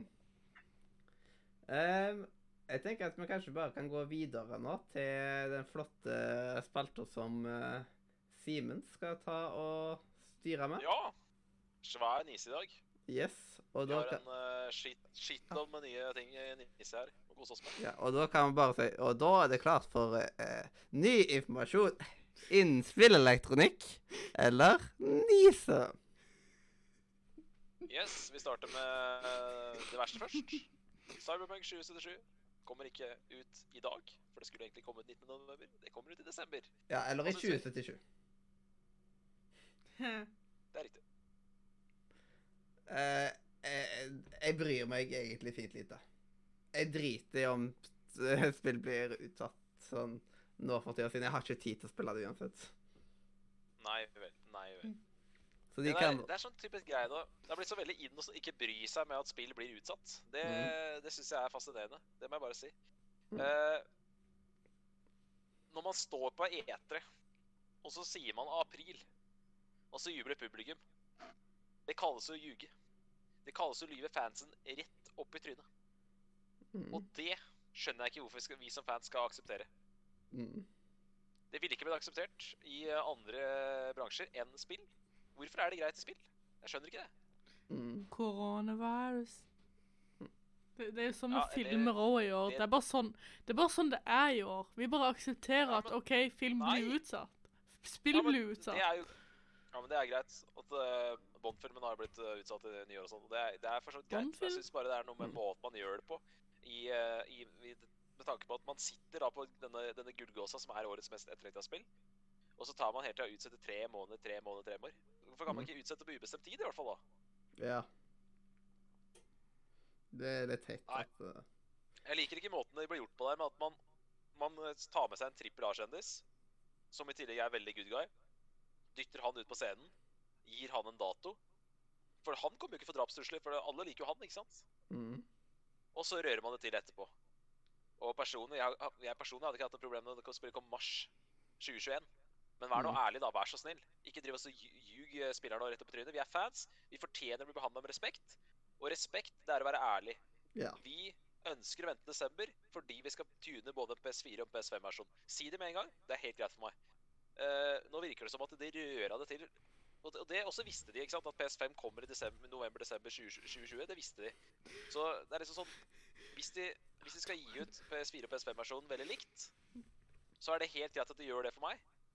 Men, men eh, vær, vær mye tidligere ute. Også er jeg veldig klar over at jeg ikke har peiling på hvordan spill lages, og jeg er veldig klar over at det er tusen grunner til at spill utsettes. Det har jeg ingen problemer med å forstå. Men det handler om den respekten jeg har som gamer, jeg har som fan. Det handler om den respekten. Og det er ikke Nå sitter du og ler baki der. Er greit Nei, jeg sitter og Men Jeg prøver å klype tida Ja, sånn det- det det er flott, det er flott. Men jeg mener at i filmbransjen så aksepteres ikke den her. Jeg skjønner ikke hvorfor vi skal eh, akseptere det som gamere. Og så er det en annen ting. Og det er at så kaster selvfølgelig Da er det alltid noen idioter da som skal drive og sende drapstrusler til uh, spillutvikleren og sånn. Og det er selvfølgelig høl i huet. Jeg sier ikke at vi skal gjøre det. Skal vi Mm. ikke gjøre. Men jeg synes det blir sånn der, Jeg liker ikke den der nikkedukk-standarden om at ja, ja, selvfølgelig, det tar lang tid å lage spill og sånn. Ja, men det handler om å være ærlig. Hvis, det, hvis man må utsette spillet til 2021, så bare si det, da. Når de, når de, for de, de hadde ikke kontroll på det spillet her, og det sa jeg i april. Det sa jeg i april, at de, de har ikke kontroll nå. De har utsatt spillet til september. De har ikke kontroll. Og så sier Christer, vår gode venn Mathias, han sier Christer, han sier at det spillet er ferdig nå. Ja, det er greit at det spillet er ferdig, men det spillet er fortsatt ikke ute. Og det hjelper ikke om et spill er 99 ferdig hvis man ikke kan gi det ut. Det Mm. er utgivelse vi må forholde oss til. Yes. Og når man, når man, Og i tillegg så kommer det Det spillet kommer ti dager før jul. Og det syns jeg er for seint, rett og slett. Det spillet kommer ikke til å sette seg i 2020. Og jeg tror det kommer til å få konsekvenser på vår GoTi-sending. Jeg bare sier det. Jeg tror det kommer til å få konsekvenser. Men uh, det skal vi komme tilbake til. Men uh, nei, jeg er Jeg hater Det jeg hater, da, det er at når, det, når spill får en dato, så forholder jeg meg til den datoen. Hvis man bare hadde sagt det spillet lanseres uh, kvartal fire, altså tredje, fjerde kvartal 2020, så hadde det vært helt greit. For da hadde ikke spillet hatt en dato.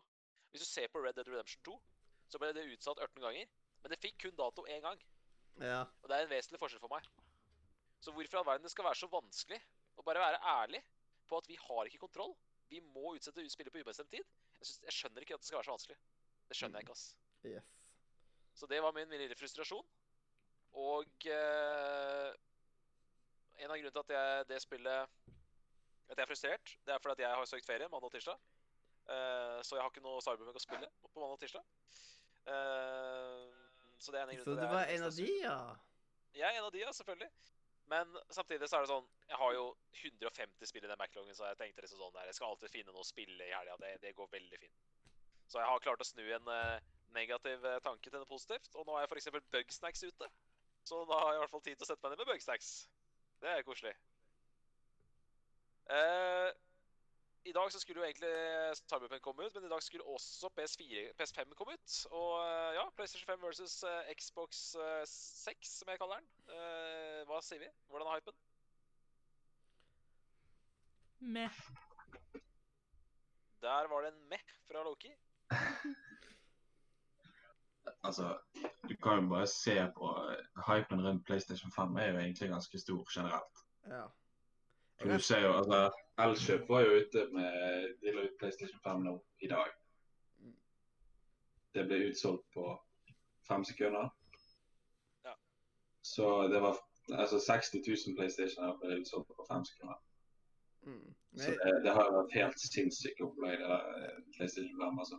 jeg kommer ikke til å skaffe meg PlayStation 5 med det første, men det kommer til å være en prioritering for meg, høyere prioritering enn det PlayStation 4 var, liksom, ut ifra når det gjelder sparing og forskjellig sånt. Ja, Det er en vesentlig forskjell. Det er at alle de spillene du altså, har kjøpt nå til PS4, kan du få med deg videre til PS5.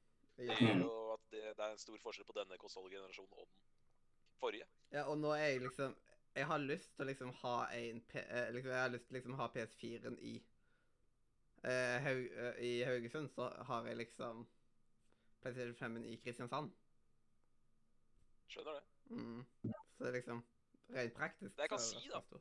er at uh, Xbox Det er jo en del som har fått tak i Xbox Series X, for den hadde jo ikke i nærheten av den samme uh, Folk var ikke så gira på den. Mm. Men jeg, jeg må si at jeg syns den boksen Rent utseendemessig så digger jeg den boksen. Syns den er dritkul. Jeg har aldri hatt mer lyst på en Xbox enn jeg har nå. Så det er interessant. Jeg syns det virkelig har truffet med dette skyskraper eh, Kjøleskap. Utseendet sitt. Ja, kjøleskap slash slash skyskraper. Jeg har også hørt at den er langt mindre enn det ryktene gikk på. De som har kjøpt den, ble overraska over hvor liten den egentlig var. Så det er kult. Mm. Ja, jeg, så jo, jeg så jo at Xbox gjorde litt sånn PR-stunt. De lagde en, et faktisk kjøleskap Ja, som så ut som Xbox. det er helt badass, sykt da. ut. Det er litt kult. Det er litt kult. Nei, det er badass. Det er kongen. Ja. Og så at de embracer liksom det, det på en måte negative som community sier om kontrollen, og bare lager en faktisk, et faktisk kjøleskap, er dritkult. Jeg liker at uh, Sony har tatt en Nintendo og så lagt med en sånn der uh, medfølbar demo-lignende sak, som uh, er det der Astroboy uh, Playroom-spillet. Jeg har ikke, jeg har ikke egentlig sett som, hva, som, hva PlayStation 5 går i. Jeg vet bare at jeg har, har lyst på en. og Men tenker du, at du vet hvilket spill jeg prater om? Du vet hvilket spill jeg prater om? Det der Astro... Astrobot? Nei, jeg har, jeg har ikke sett eh, noe på det. Nei, ok, greit. ok. Nei, for det er sånn tech-demo som du kan se litt på hvordan den der, eh, de der triggerne funker og Altså, det, sånn, det er litt sånn der tech... Ja, det er, er tech-demo for eh, kontrolleren, da. Men okay. det som er kult med spillet, er at det er så mye mer enn bare tech-demo. Man tenker jo sånn tech-demo som som er litt morsom, liksom, men det er faktisk et bra spill ut av det òg. Så det er eh, er meget, meget bra. Altså. Og så er det en skikkelig sånn PlayStation-museum der man eh, Det er ett brett tar for seg PlayStation 1, ett tar for seg PlayStation 2, ett tar for seg PlayStation 3 og ett tar for seg PlayStation 4. Så det er sånn interaktivt museum, nærmest. Det er jo Det høres jo dritfett ut, egentlig.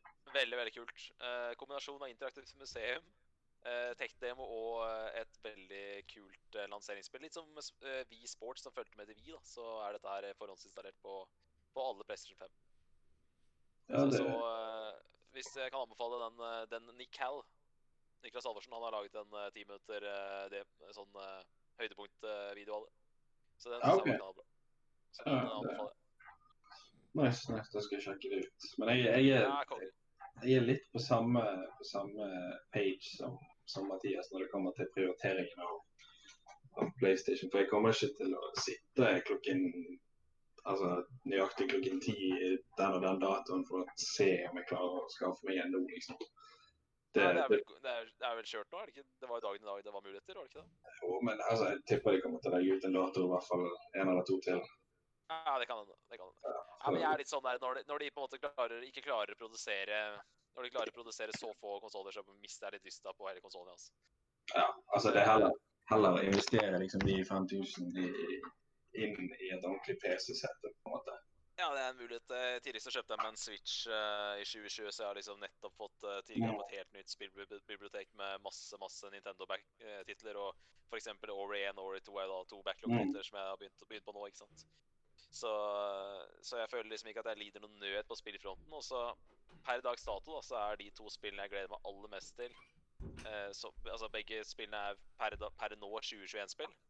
Skal etter Mm. planen komme i 2021. De to spillene jeg gleder meg aller mest til nå, det er jo det nye Harry Potter-spillet Ja. og oppfølgeren på Horizon Zero Dawn. Og begge spillene skal jo også komme til PS4, så det er liksom ikke noe Jeg føler ikke noe brennmast med å oppgradere, altså. Jeg gjør ikke det. Nei, jeg, jeg føler litt det. Altså, for jeg føler det Altså, meg og mine kompiser, mine Destiny-kompiser, alle de har jo switchet over til PC sånn. Etter Destiny 2 kom, for det var jo mulig å spille Ja, på den PC. Den ser jeg. Så da flyttet alle over på PC, og da er liksom jeg eneste igjen som sitter her med PlayStation og Switch. Sånn.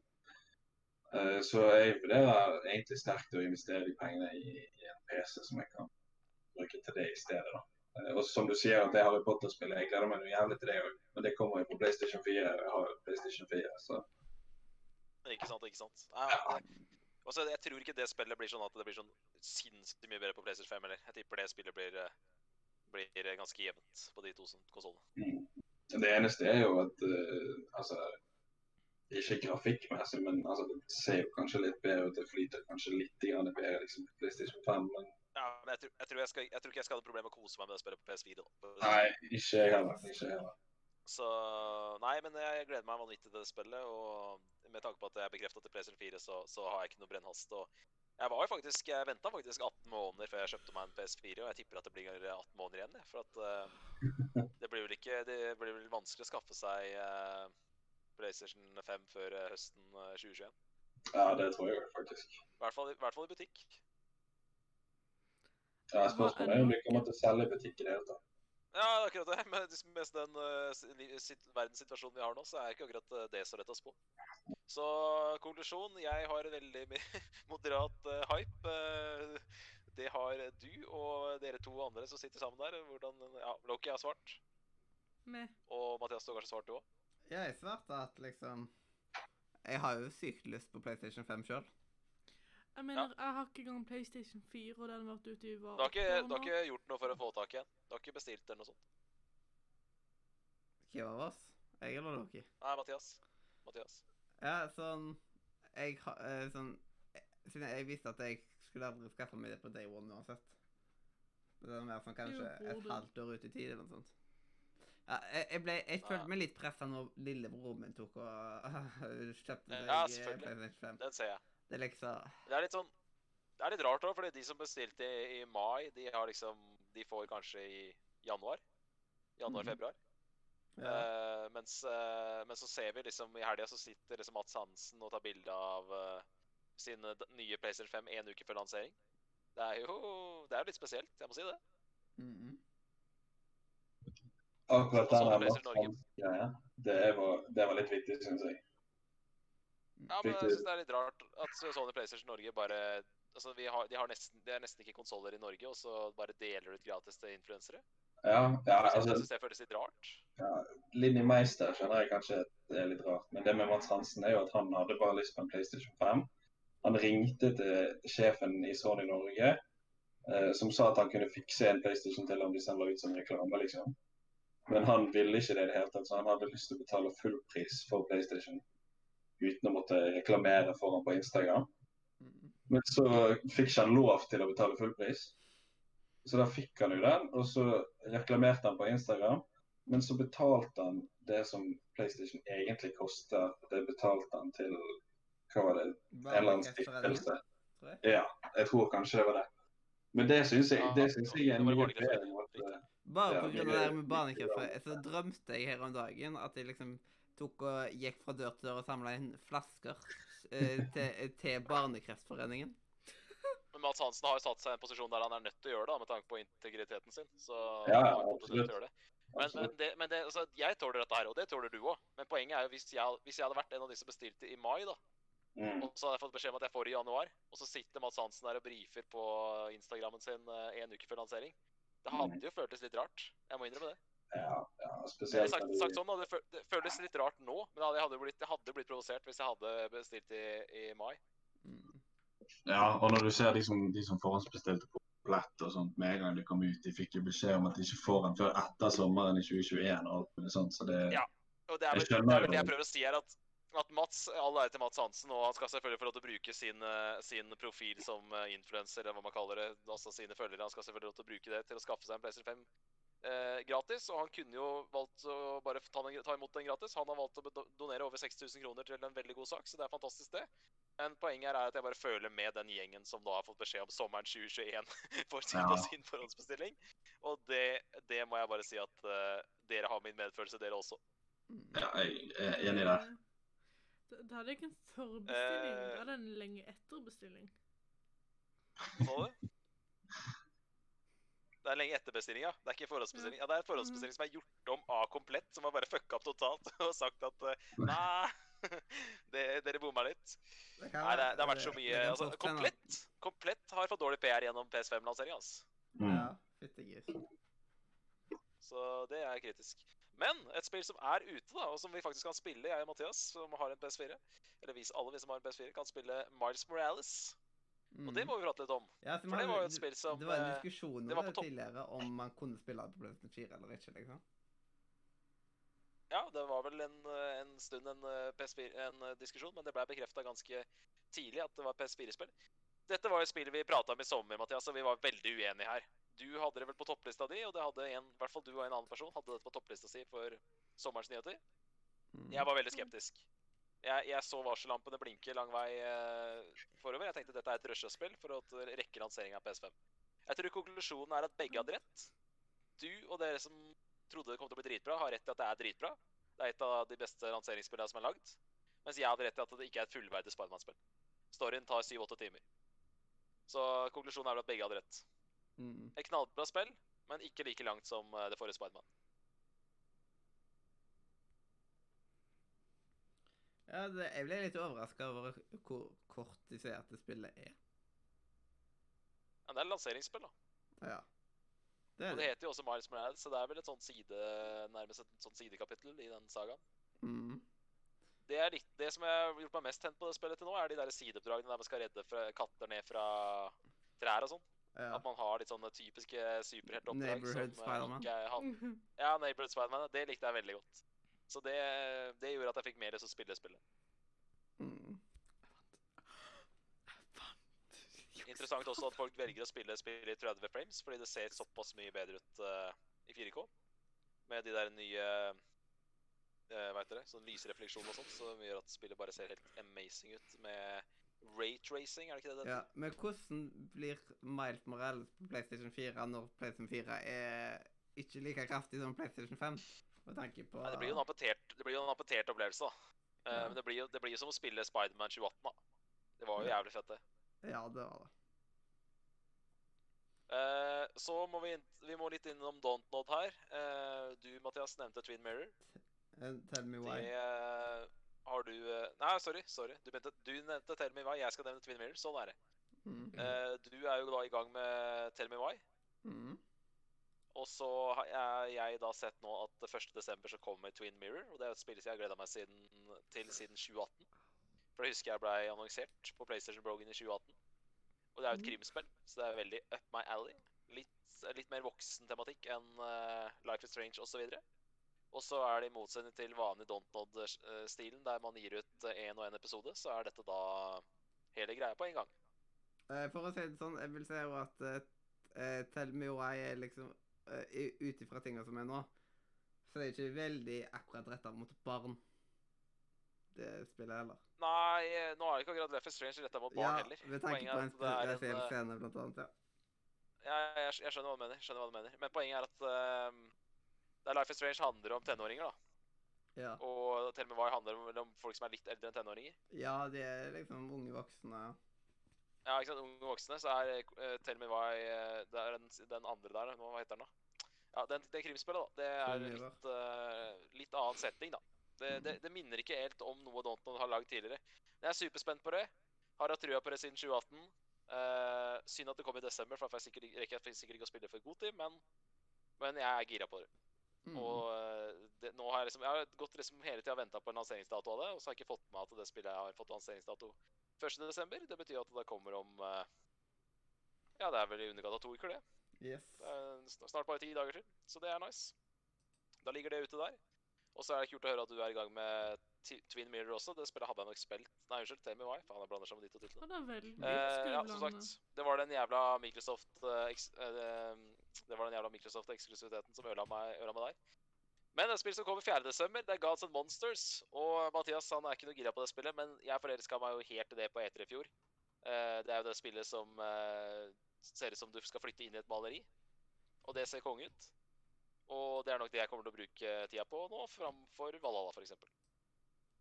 Ja. Det er også et Ubisoft-spill. Så det har vært mye, mye store Ubisoft-titler nå. Med både Watchdogs 3 og eller Legion og Valhalla. Så kommer det and merkelig at Monsters det i er desember. liksom utrolig at det liksom Watchdogs 3 og Valhalla kommer såpass tett oppi hverandre. Ja, litt, litt komisk at de kommer så tett, og litt komisk at begge spillene foregår i England. Mm. Dog med veldig forskjellige versjoner av England. Ja. Eh, I morgen så kommer det et spill som må nevnes. Vi er jo Sabeltann-fans her i uh, Radio Nordre. Og uh, i morgen så kommer Kaptein Sabeltann et, et Kaptein Sabeltann-spill ut. Jævlig rar lanseringsvindu med rett, rett etter Valhalla og Watchdogs og rett før Cyberpunk. Men ja, ja. Midt oppi en konsol, ny konsollgenerasjon så kommer det. Jeg har planer om å ta en titt på det. Ja, eh, på hva kommer det ut? Nei, det kommer vel ut til PS og Switch. Ja. Så jeg akter å ta en titt på det. eh, Og eh, av det jeg lille har sett av det, så ser det ut som det beste filmspillet laget av et norsk studio siden Flåklypa Grand Prix 2000. ja. Ikke at jeg sier så veldig mye, da, fordi de fleste spillene der er jo dritt, men Du får se fra hvordan det spillet gjør det, da. Ja, ja, selvfølgelig. selvfølgelig. Mm. Eh, Det er jo litt derfor jeg skal teste det nå, for å komme med en liten tilbakemelding på det. Men eh, det ser såpass gøy ut at jeg har lyst til å, lyst til å gi en sjanse. Så da, da skal jeg gjøre det. Eh, det er kult at, men det er, det er kult at det, jeg må innrømme at det spillet visste jeg Det ante jeg faktisk ingen Jeg visste ikke at det spillet skulle komme nå. Eh, det er jo lenge siden den filmen. Altså det er jo et spill som er basert på den der Skatten i Ramarama-filmen. Mm. Det er lenge siden den filmen kom. Så overraska over at det spillet her eh, at det bare plutselig kom ut nå. Men mm. veldig gøy at i likhet med Flåklypa Grand Prix neste år kommer til Switch. Valhalla er ute. Uh, det må vi jo nevne. Mathias, du har ikke starta på det ennå. Nei, men jeg gleder meg til å spille da. Jeg har ikke kjøpt det. Uh, venter på Gods and Monsters. Akkurat slutt til Watchdogs. Eh, men Øystein han har spilt det, og forrige gang jeg hadde en Eller forrige gang han ga meg en oppdatering på det, så han spilt i 44 timer. Så jeg tipper at han har spilt i en 50-60 timer nå og er klar for å komme og prate om det neste uke. Yes, og da Så kan vi tease neste Ja.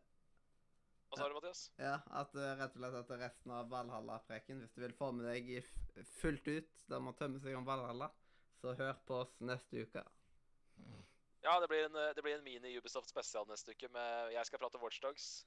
Og Øystein skal prate om Valhalla. Så det, det håper vi at blir bra. Eh, så det er en sånn eh, liten tis der. Eh, bare håper at Øystein stiller opp på- det. Vi trenger han for å få prate om Valhalla. Mm. Men han har jo hatt en slags karantene nå, så vidt jeg har skjønt, så har han bare sittet inne. Og da passer det er vel ikke det verste du kan gjøre når du må være i karantene og spille Valhalla. Nei. Det virker som et massivt spill. Mm. Men det er altså det er, det er like mye content på det som i Odyssey. Ja. Det er i hvert fall det jeg har hørt til nå. Ja.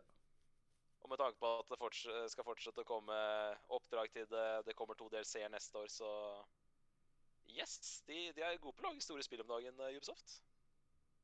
Mm.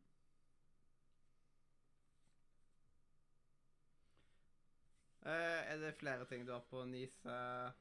Ja, det er, eh, det er jo litt mer teasing her. Det er, det er Goaty-sending i januar. Mm. Hvordan, hvordan går det med Goaty Eller hvordan er eh, Goaty-formen, Mathias? Jeg gleder meg. Eh, jeg tenker er, jo veldig mye på hva er dine forberedelser nå, de siste fem ukene av året? Hva er dine forberedelser for å være forberedt til Goaty? Jeg spiller ferdig Tell Me Why. Jeg får spilt Spiritfarer. Får spilt eh, Assassin's Creed Valhalla. Har du spilt uh, Spiritfarer? Nei, har du kjøpt med, mener jeg? Jeg har det på GamePass. Konge, da. Mm. Det er jo nydelig. Yes. Så da har du tre titler der Mm. som du skal prøve å satte ned med i desember for å være litt oppdatert. Mm. Og eh, jeg har eh, da eh, Min plan er rett og slett uh, Gods and Monsters, som kommer 4. desember. Mm. Og så er det um, Og så er det Ja, nå står selvfølgelig stille. Det er typisk det når jeg skulle prate om min egen eh, Min egen go-to-jobb. Men eh, nei, jeg skal i hvert fall, eh, gi uh, Gods and Monsters en sjanse. Og så skal jeg teste det derre um, puzzle-spillet fra Hello Games. Som jeg ikke husker Last, Camp, Last Campfire eller noe sånt. Skal jeg Ja. skal få testa de to spillene litt. Mm.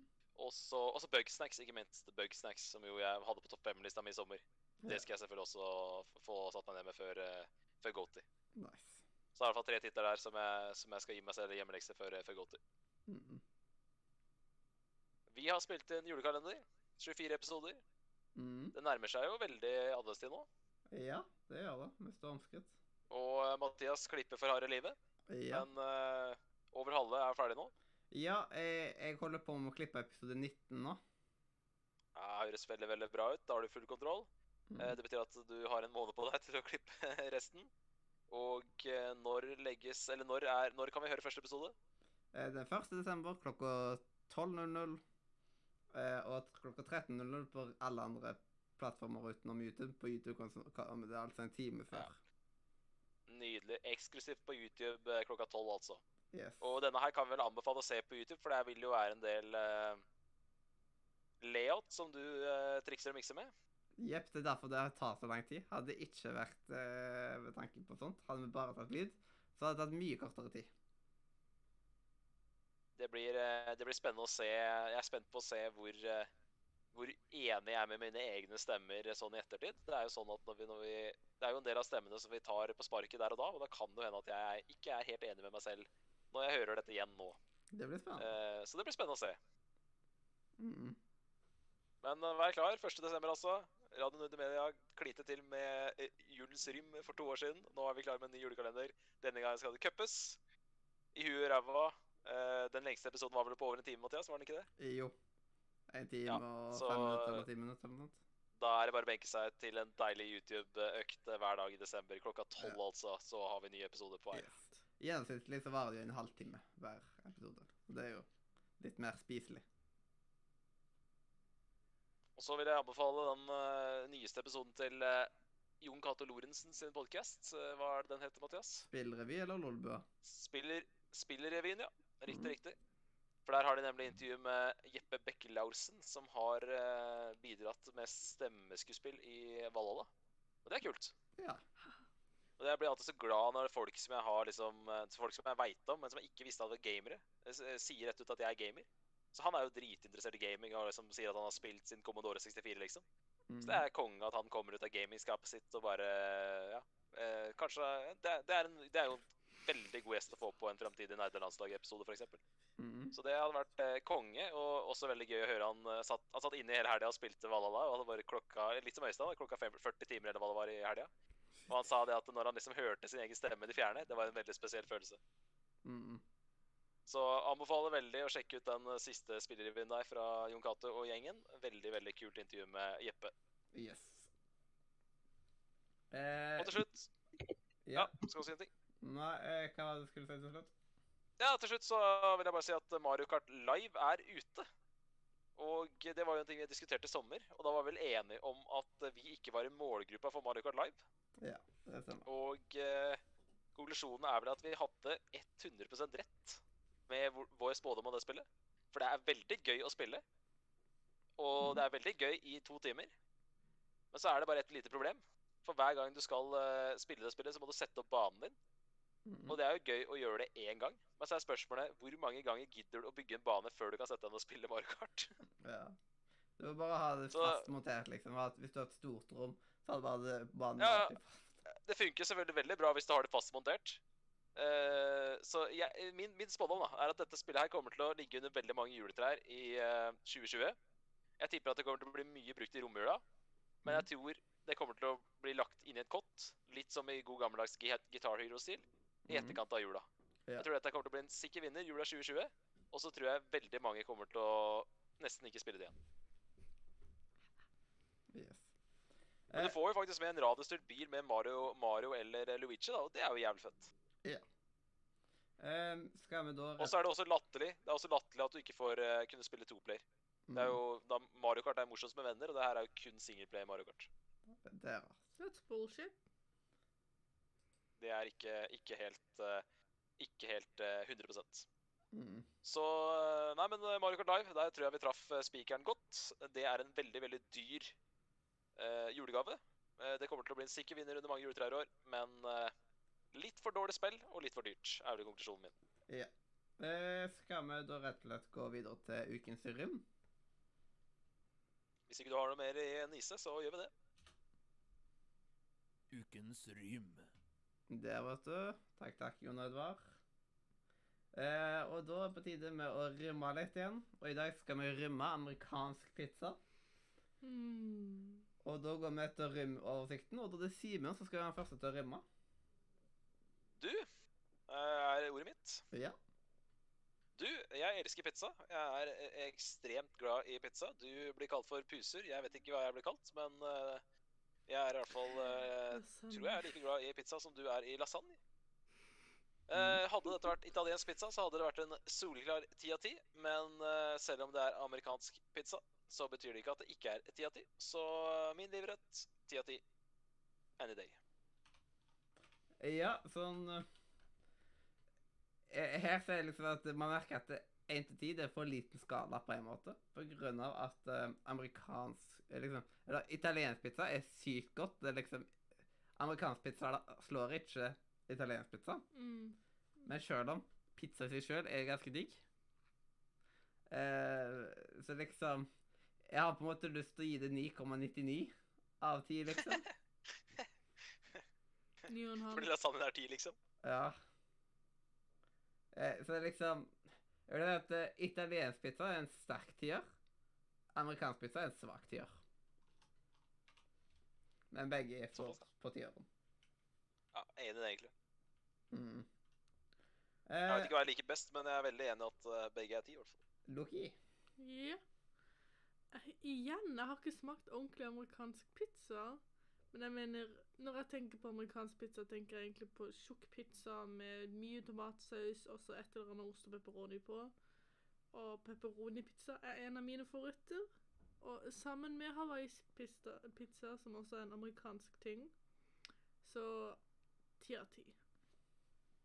Nice, nice. Mhm. OK. Eh, og da, Mathias, har du skjønt hvordan rym funker? Ja, altså, sånn cirka. Liten. Liten. Ett minutts anmeldelse og en score. OK. ok. Ja, eh, amerikansk pizza. Eh, elsker pizza. Eh, Hawaii-pizzaen. Hater ananas på pizza. Skal ikke være i nærheten av en pizza. Du kan like godt ha epler på en pizza. det Samme det. Det- Skal ikke være på pizza. Du fikk meg svar på det spørsmålet. Vi pleier å stille det spørsmålet egentlig i Radio Nord. eh, Ja, det er et veldig, veldig normalt spørsmål å få om du mm. liker ananas på pizza eller ikke, men eh, det gjør jeg da altså ikke. Eh, så Men altså, det er, det er en fin fin 9 av 10, syns jeg egentlig. Ja. På generell amerikansk pizza. Siden jeg er så fan av pizza. Du fikk amerikansk pizza akkurat over eh, over italiensk pizza, faktisk. Amerikansk pizza fikk 9,75, mens fikk italiensk pizza fikk 9,5. Eh, det er rett og slett for eh, de e e Eirik ga det en 9 av 10. Siden Eirik han er faktisk mer på amerikansk pizza. Han hadde gitt 10 av 10 til amerikansk pizza og 9 av 10 til Hvis jeg husker riktig, da. Det var enten det, eller så var det ukultur. Jeg husker ikke hvem av de som var Jeg tror det var U. Ja. det. Det er ikke så viktig nå, men eh, det er bare til å sitte og høre på forrige episode, så Finner du fort ut av det. ja. Um, så det var egentlig ukens Syrim. Ah, Eh, og da kan vi vel egentlig gå videre til uh, vår uh, favorittspalte, nemlig Spillmuren. Med Mollo sin favorittjingle. Uh, Simen, du er enig i at det er Mollo sin favorittjingle? Ja, ja, selvfølgelig er det. Mm. Nå er det jo lenge siden jeg prata med Mollo, da, så jeg bryr meg liksom ikke så mye hva han mener lenger. Men eh, ja, ja. Ja. Det er riktig, det. Så ai, uh, ble det dobbelt opp. Mm, play, play. Ja, play, play. Play, play. Ja. Play, play. Fortsatt mar jeg har fortsatt mareritt om natta om den der rottehalen til Mollo Mollo. Altså. Oh, den. Den begynner å bli veldig gammel, men nå er den retro, liksom. Jeg har hørt den to ganger allerede, Leiren. Au! Skal jeg slå hardere på deg? Trump er jo fortsatt president også, enn så lenge. Enn så lenge. Ja. Så dette var fra, i, dette lagde de cirka når han ble valgt. Altså, Det høres ikke feil ut, det. ja. Så eh, Man burde tatt dette med Biden etterpå, kanskje. ja, Hvordan skal vi gjøre det? Jeg vet ikke. Men da kan jo først Simen ta å komme med sin spilleanbefaling. Ja. Uh, min andre spillanbefaling i år Jeg starta jo, eller I sommer så hadde jeg kosespillet Spirit Fair, så det er jo nice. Nå skal jeg gå litt tilbake i tid og ta litt, ta litt eldre spill. Uh, I fjor så hadde vi jo Vi lager jo topplister i Radio Nordre Media hvert eneste år over beste spill. Individuelle topplister. Og i fjor så var det et spill som toppa lista mi, som heter What Remains of Edith Finch. Ja. Og da minte Mathias meg på at det, det er et spill jeg bør legge til i spillmuren. Og da skrev jeg opp det, og så har jeg liksom gått og ruga på den eh, det spillet helt siden da. Og nå kommer det. Det er da forgjengeren til What Remains of Edith Finch. Det forrige spillet til eh, de utviklerne. Og det spillet tror jeg er fra 2013. Og det er eh, veldig som Edith Finch, egentlig. Litt mer minimalistisk, men eh, er eh, mer enn nok fascinerende og eh, og eh, skiller seg ut fra mainen til at det er verdt å spille. I tillegg så er det jo en fantastisk referanse fra dette spillet i eh, nettopp Edith Finch. Og da ble jeg veldig glad når jeg så det. Og det spillet det heter rett og slett The Unfinished Swan. Og det tror jeg er tilgjengelig på absolutt alt av plattformer. PC, PS3, PS4, Switch sikkert også. Mm. Eh, Xbox, selvfølgelig. Så eh, ja, som sagt. Eh, forgjengeren til uh, What Remains of Edith Finch, og navnet det er The Unfinished Swan. Yes. Uh, kan du ta og skrive det inn i radiochat, så plotter jeg det inn i spillmuren? Det trenger du vel egentlig ikke å si til meg, for jeg vet hvordan ting fungerer, Mathias, så det Ja. er helt greit. Ja, da kommer Mathias sikkert til å skjønne det når han har kommet med sin spillanbefaling etterpå. Eh, ja, sikkert. Yes. Nei, altså, jeg Jeg var litt, uh, var litt i tvil. Jeg hadde to stykker som jeg var litt i tvil om hvilken av de jeg skulle ta. Eh, For den ene er veldig svært, uh, flott spill. Uh, og det andre er for så vidt et stort, flott spill òg, men jeg valgte å ta Zelda Breath of the Wild. Og det er fordi at det er Det var det første jeg spilte på Switchen når jeg kjøpte den for ikke så altfor lenge siden. Det er egentlig det første, første jeg har hatt med Zelda og universet å gjøre, egentlig. Men det spillet er jo bare helt, eh, helt fantastisk, syns jeg. Eh, og det, det er et spill for alle. Min, min samboer òg elsker det spillet. Hun er ikke veldig spillfrelst, hun, sånn som meg, men hun er veldig glad i Zelda. Så hvis man ikke har spilt Selda Zelda Breath of the Wild, så har man sikkert bodd under en stein. Eh, så, men hvis man ikke har gjort det, så vil jeg anbefale å plukke det opp og ta seg en, ta seg, en- ta seg en gjennomgang av det spillet, for det er helt, eh, helt fantastisk. Jeg ble litt overraska over at det ikke var på spillmuren allerede. Ja, jeg jeg- ble også, jeg ble også jeg ble litt der at, eh, at eh, det ikke var der. Men det er litt sånn det er. Vi pleier å Mm. alltid Vi hadde en tradisjon, vi har alltid hatt en tradisjon at vi prøver å gå tilbake i spillhistorien og liksom ta klassikerne. da. Mm. Og det gjør at man ofte glemmer litt uh, de nye spillene. Så det er Ja. noen huller i spillmuren. Uh, Ja, for jeg så at det ikke var der. Jeg så at det ikke var der og ble litt sånn uh, OK, er det ingen som liksom har anbefalt uh, Zelda Ja, og Breath Jeg liksom? Så Ja, nå er det tre år siden nå, så nå er det jo perfekt Mm. å, å ta det. Det er tross alt Ja. det nærmer seg fire år siden, faktisk. Det, siden det spillet Absolutt. kom ut, så det er et Mm. perfekt spill.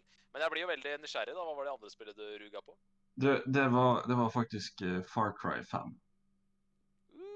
Nice, nice. To, det to Det- solide spill, det, og to lange Ja. spill også. Mm, mm. Jeg digget Far Cry 5. Det var, helt fantastisk. Konge, konge. Ja, det er jo det er veldig, det er to spill som er veldig i vinden, da. Breath of the Wild får jo en oppfølger om ikke veldig lenge, og Mm, Far Cry eh, 6 er det vel, som er Ja. eh, under utvikling nå. Og Det stemmer. kommer vel enten i slutten av 2021 eller starten av 2022. Mm. det stemmer. Og, og med den Jeg vet ikke om dere har spilt Far Cry 5, men med den slutten som Far Cry 5 Ikke spilt uh, Far Cry 5, men, eh, men jeg vet jo Ja, jeg har jo skjønt litt av hvor, hvor, hvor Ja, jeg skjønner Ja. litt av hvor, eh, hvilken vei ting går. Ja, altså, jeg, jeg håper det Far Cry 6 blir litt sånn oppfølger-ish til Far Cry 5. Ja, de hadde jo det- det derre det der som kom etter Far Cry 5 også, var det det het igjen? New Dawn eller sånt? Uh, ja, jo Jo, det var vel kanskje i samme, samme univers. Men jeg, jeg tror ikke det hadde så mye med storyen å gjøre. Jeg er usikker på det. Mm. Jeg spilte det faktisk ikke. Jeg uh, brukte for mye tid på Far Cry 5. Men ja, det var i hvert fall uh, de Da er det bare til å eh, skrive inn i hashtag radiochat. hashtag. Ja, jeg skal finne det her. Torstein. Det er ikke så vanskelig å finne. Det er en av de nederste kanalene på sida. Eh, og mens du tar og finner det, så kan jeg ta og starte på dagens rant. For, eller ukens rant. Og siden det er jo en eh, semifast spalte vi har, når det ikke er noen spesialer, så har vi rant. Litt fordi at det tar jo litt tid å skrive sånne ranter òg. Det er ikke bare bare å finne ut av ting som du irriterer deg over eller noe. Og i dag så heter rett og slett dagens rant Storyspill. Og da skal dere bare lene dere tilbake og nyte at jeg rente ranter litt. Før jeg setter i gang, så vil jeg bare si ifra til deg som mener storybaserte spill ikke er skikkelig spill. Hold kjeft. Storybaserte spill, sånn som Telltale-spillene for eksempel, eh, det er uansett ikke det er uansett ikke en vanlig film, fordi den krever interak interaktivitet gjennom valg. Og for å være ærlig halvhjerta gameplay-mekanikker. Og det er her vi kommer til kjernen i problemet. For jeg storkoser meg med storybaserte spill, og jeg elsker at det finnes en sjanger hvor man kan ta det litt mer med ro og fokusere mer eh, med og det må påvirke historien ut ifra mine egne valg. Men kan dere ikke bare holde dere til det dere kan? De spillene jeg har spilt innen denne kategorien frem til nå, har alle hatt flere halvhjerta spillmekanikker. Hvor jeg f.eks. skal trykke på X og O for å klatre opp noe, eh, li, eh, noe lianer, f.eks. For min del ødelegger slike øyeblikk flyten i historien. Dere trenger ikke bevise at eh, det er et spill, og, eh, og valgene i seg sjøl vil holde meg våken og investert i historien. OK, kanskje noen av spillene blir, øh, blir litt OK, kanskje noen av spillerne blir litt utålmodige og vil trykke mer på, øh, på alt mulig. Men kan dere ikke da ha en, e eh, ha en egen filmmodus, hvor fokuset ligger på storyen, hvor eneste du skal gjøre, er å passe på eh, på hva som kommer ut av kjeften din, så kan de som, eh, de som sitter med mark i rumpa, og som må ha noe å gjøre på hele tida, spille det i normalmodus, for eksempel. For min del er storybaserte spill et alternativ til å se på film. Kan dere ikke bare la meg nyte av denne flotte historien, og slippe å måtte styre karakteren min eh, til å gå rett fram i to minutter? Da sier jeg, eh, eh, da sier jeg som bergenseren på Fjorden Takk for oppmerksomheten.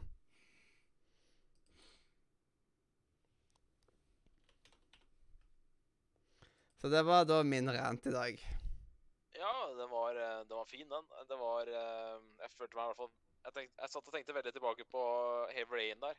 Åpningskapittelet Heavy Rain. Der Mm. eh, Hvis du ikke klarer å trykke på riktig knapper til riktig tid der, så får du jo, må du liksom ha tre-fire forsøk på å gi kona di en klem. Ja. eh, det blir litt feil. Yes. Det er liksom Hvis, bare, hvis ting bare hadde hatt en enkel filmmodus, der, man, der de kutta ut alle disse her eh, eh, fast Liksom Hva heter det nå igjen? Fasttime-eventene? Eller hva heter det nå igjen? Quick, quick, Quicktime events? Ja. QTs. Ja, hvis de bare uh, droppa det, da, for at man da satt kun og skulle ha historien. Det kan jo være at noen ganger så er det sånn at uh, man har der at uh, tida holder på å renne ut. Absolutt. Eh, fordi man må komme med et svar kjapt for at eh, det skal være litt eh, flyt i historien. Men liksom Jeg spiller mer for å liksom ha, ha noe å si. At det er at Oi, hva skal jeg egentlig si her? Men det å gå rundt med noe som er liksom clunky kontroller og sånt, siden nesten alle storybaserte spill er helt forferdelige på styring. Siden de har jo ikke satt De har jo ikke fokusert på gameplay på sånne spill. Jeg syns Life is Strange var, hadde bra styring. Ja, men det er veldig mange som har veldig clunky styring. Og bare irriterer seg. Ja. I Tell Me Why så skulle jeg uh, liksom, få, uh, liksom få opp en luke i taket. Og det var liksom Jeg knota så lenge med å liksom ta og rotere på det jævla kameraet som at jeg kunne ta og velge at det, der er bare sånn Åh! Hvorfor må jeg liksom det? Eller bare la meg liksom Jeg vil ha historien, jeg vil ikke ha det andre. Men Heavy Rain er jo ti år gammel nå, så du merker jo der at den har dårligere kontroll enn de fleste så av de som kommer nå har, da. Ja, Heavy Så Ra- Tell Me Why, Å, ja. fytti grisen. Der er der er det noe Ja. guffende kontroller. Det er liksom Der er det ille, ja. Det, det er sant. Altså. Der får jeg vondt. der skal, du liksom, der skal det være realistisk med at de, karakterene vrir på huet, ikke sant? Før du Før de eh, vrir på Altså Altså, når du, du styrer hodet med joysticken, da. Så Mm. for, du, må ha, du må trykke inn en egen Du må trykke, inn den gasspedal på bilen, for å si det sånn, for å få karakteren til å gå. Ja, Så det var jo en ah. jævlig rar Ja, det er det sånn på PS5 og nei, PS4 òg. Ja, ja, det er sånn at jeg må, try jeg må trykke R2, sånn at jeg må hele tiden Ja. bruke de jævlig- bakpå. Det er jævlig digg hvis du står stille og du skal utløse en ting på høyre side her, for da kan du bare ta en joysticken, og da blir det realistisk. Men det er jo 90% av tiden mer, mer irriterende enn det gir. Altså, det, det, det er Det Vet dere? det? Det heter het gi og ta. Og det Mm. tar jo mer enn det gir, for å si det sånn. Yes. Så jeg forstår veldig godt det. Men det, men som du sier, det er prologene altså, De første kapitlene av Heavy er jo der for at du skal lære kontrollerne. Det er Mm. som du sier, det stykker veldig opp flytende spillet. Og er det egentlig verdt det? Du kan jo begynne å lure, fordi du blir tatt veldig ut av den uh, historieopplevelsen når eh, du liksom må ha ja, tre-fire forsøk på å gi kona di en klem. Det blir, uh, det blir feil. Yes. Det, det er akkurat at de skal bare bevise at det. Ja, men dette er et spill, altså. Lo- Jeg, jeg lover, liksom. Og så bare Det er litt sånn. Se Det her. er litt sånn. Men David Cage har blitt bedre på det nå. At han, han har lag, jeg tror han har lagt inn filmmoduser på sine siste spill. At uh, uh, For eksempel Detroit, du har spilt det òg. Det var jo mye yeah. mer uh, Detroit hadde det er en eh, relax mode, eller Ja. noe sånt. Så det er sikkert bare å ta valg, da. Det er sikkert om du bare, om du rent, rent bare tar valg, da. Nei, jeg det- trodde mer at liksom De bare har gjort at ting er lettere, siden det er kampsystem Ja. og sånn type ting. Nei, så- det er mener. Det tyder på at de har lært litt, da. Ja, det burde vært en f- ren filmmodus, liksom. Jeg, det er liksom Jeg lurer på hvordan det går, jeg, jeg, jeg har ikke prøvd Minecraft Story Mode på Netflix, men i Netflix så har de putta ja. Jeg har jo spilt Minecraft Story Mode på PC, liksom. Eh, Men liksom på Netflix så kan de vel ikke putte på masse kontrollere, Jeg liksom. har ikke gjort det, det er bare sånn du bestemmer At du gjør valg. Ja. på en eller annen måte å bestemme det du skal si, og så er det alt du gjør. Og det Ja, Men Jeg som elsker kontroll og kunne sitte og kneppe på de og ja, da du hadde vært mer i normalmodus. Da hadde jeg For jeg satt Mm. koste meg med Tomb Raider, for jeg sitter og stresser over de små knappene. Det er sånn Æ, dårlig tid! Æ. Mm. Og jeg digger sånne spill. Jeg elsker storybasert spill, men jeg elsker å kunne sitte og knote med knappene. På grunn av det Jeg kan begynne å kjede meg. Da gir jeg deg en, da får, da gir jeg en stressball, så kan du Ja. klemme på den. Digger. Ja, men det er bra. Mm. Eh, det var en eh, meget fin rant, det. Så min rant i dag, det var jo et spill som får fire forskjellige datoer i løpet av samme år. Det syns ikke jeg er noe moro. Yes. Og da kan vi vel hoppe videre til dagens godbit. Kan vi gjøre. Og Dagens godbit. Å, godbit. Stitch. Mm, det, det er så utrolig god Stitch-etterligning uh, Stitch, uh, at det er faktisk helt utrolig. Det er favorittjinglen min. Jeg har faktisk aldri hørt Stitch på norsk. Ja, kanskje litt i dag, men du elsker eh, Lilo Stitch litt veldig mye òg. Ja. Du kan aldri elske Lilo Stitch for mye. Yes. Eh, da eh, I dag så skal vi forklare tullord. Eller ikke, vi skal forklare ord på en tullete måte. Som at tidligere sånn for eksempel forklart eh, viking, og så har vi forklart linjal og sogneprest og alt mulig sånt. For liksom Da må vi bare høre på hvordan ordet høres ut, og så må vi prøve å komme på en logisk forklaring på det. Og da, første ordet vi skal ta og forklare i dag, er rett og slett bibliotek.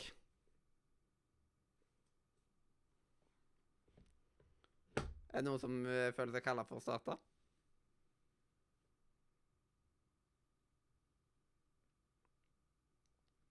Ikke det, nei? Cards Against Humanity. Aktig ting. Slutt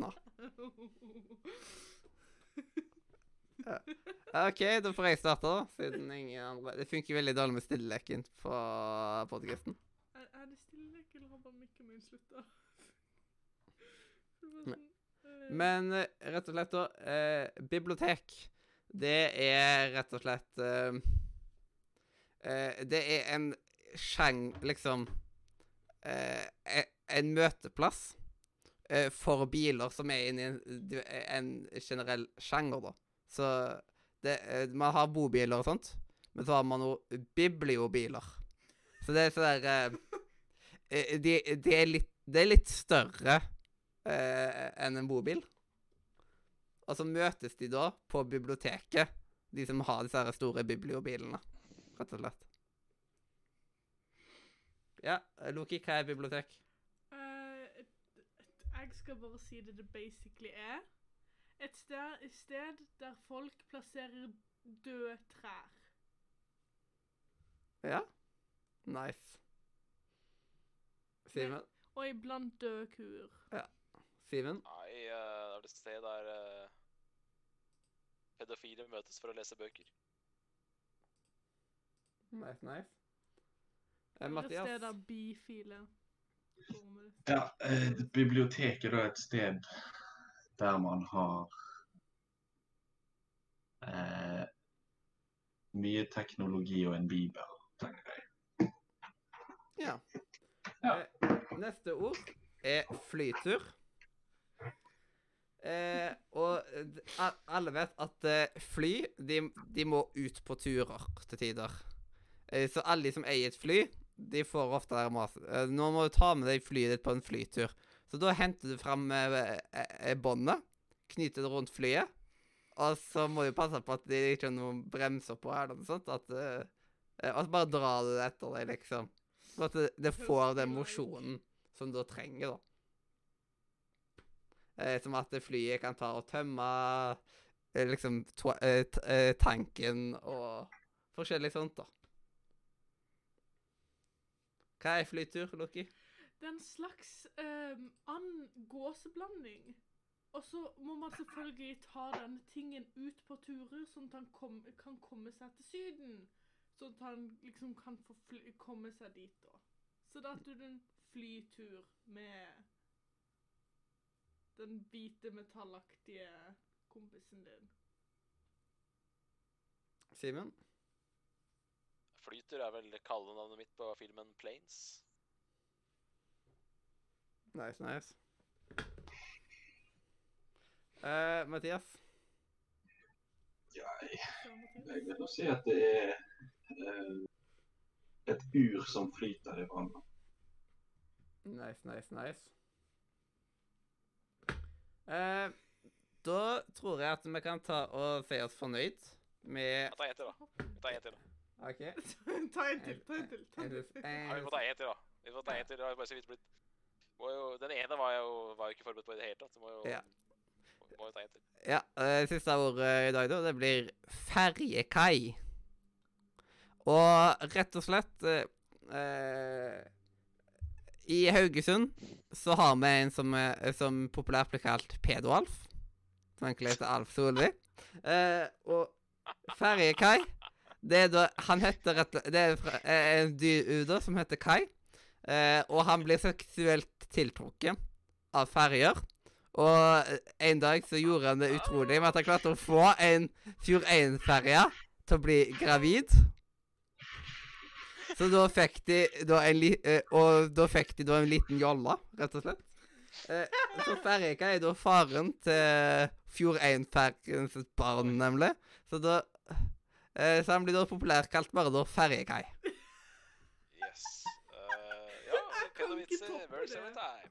Jeg kan ikke toppe det der. Jeg, jeg, jeg Nei, jeg kan ikke. Jeg beklager. Jeg, kan, jeg kunne prøvd, men jeg kan ikke. Ja. Jeg kan ikke toppe det. Ja, du trenger ikke å toppe. Bare kom med noe annet. OK, Simon. Ja, nei, ferjekai det er rett og slett ferja til eh, en fyr som heter Kai. Ja. Rett og slett. Um, Mathias? Jeg har ikke egentlig noe gode på, på det. Jeg jeg ble litt satt ut av den. Ja, Ah, jeg ble litt satt ut av den. Det var vanskelig. Det var, det var, det var liksom eh, vi, vi klarte Altså, du gjorde det veldig vanskelig for oss, Mathias, som skulle komme etter deg der. At du gikk først, det var litt, det var litt dårlig gjort, rett og slett. Men eh, ja, shout-out til Mathias for den der. Den, eh, den så ikke komme. Ja, ikke heller. Det var en, det var en fin måte å, å avslutte denne spalten. Ja, det var bare det første som slo meg. når det var liksom at Ferjekai. Med en gang, liksom. Og jeg leste ordet nå, liksom. Så var det. Så det, jeg kom på det veldig fort. Det, den er, det er så perfekt lek for meg, dette her. Du er veldig flink. Takk, takk, takk. Eh, da kan vi vel rett og slett bare ta og eh, runde av. Ja, takk lov. Mm. Ikke vondt ment, det er koselig å snakke med dere, men jeg er trøyt, og jeg vil bare legge meg i senga og slappe av. Yes. Og da må vi jo bare si eh, tusen hjertelig takk for at du hørte på. Enten om du hørte på oss eh, live på Twitch eller i opptak på YouTube, eh, Spotify, iTunes, din favorittpodkast-rep, you name it. Ta og Sjekk eh, ut linken i beskrivelsen, bl.a. discord.nordromedia.no. Der kan jeg joine vår flotte Discord-server. Vi skulle ikke tatt et par anbefalinger, Mathias. Um, Vi har bare brukt to timer. Vi, kan, vi har en time igjen liksom, på tretimersregelen. ja. Bare at jeg vil ikke holde på i tre timer i dag pga. at Loki skal jeg, jeg vil ikke at vi skal holde på helt fram til Loki drar, liksom. Nei, men hvis vi har et tidspress, så er det helt greit. Vi kan godt gi oss nå. Det er helt, helt greit. Mm. Jeg har fått prata om, eh, om Nise, og, og vi har tisa neste ukes sending, og, og da kommer vi sterkere tilbake, så det, det blir bra, det. Yes. Så kanskje vi tar med den spalta da neste uke. Hvilken spalte da? Hvilken, uh, hvilken spalte? At vi får inn noen raske anbefalinger. Ja, ja, selvfølgelig. Ja, selvfølgelig. Mm. Nei, men jeg bare trodde det var, jeg tror jeg så det i programmet, men eh, da har det kanskje blitt fjerna etterpå. Men det er ikke noe problem. Det går bra. Det går bra. Yes. Så da tar vi eh, kvelden nå, og eh, takk for i dag. Og eh, ja, som sagt, eh, ti dager til jul, eh, ti dager til advent. Eh, Få med dere julekalenderen når den begynner. Og uh, Christmas Chronicles uh, er en konge julefilm. Den må ses i uh, adventstiden. Jeg tror uh, toeren faktisk kommer i morgen, faktisk, på Netflix. oppfølger der. Nice. Mhm. Så eh, da har vi to julefilmer å kose oss med i i, i adventstiden. Og så har vi da Julens Rym, vi har Cup and Cup fra Radio Nordmedia, og så har vi da Stjernestøv fra NRK. Ja. Så tusen takk for at du hørte på oss, og så sier vi bare hjertelig Ja, farvel, stæsj, ha det bra. fra Radio. Nordre media! Woho!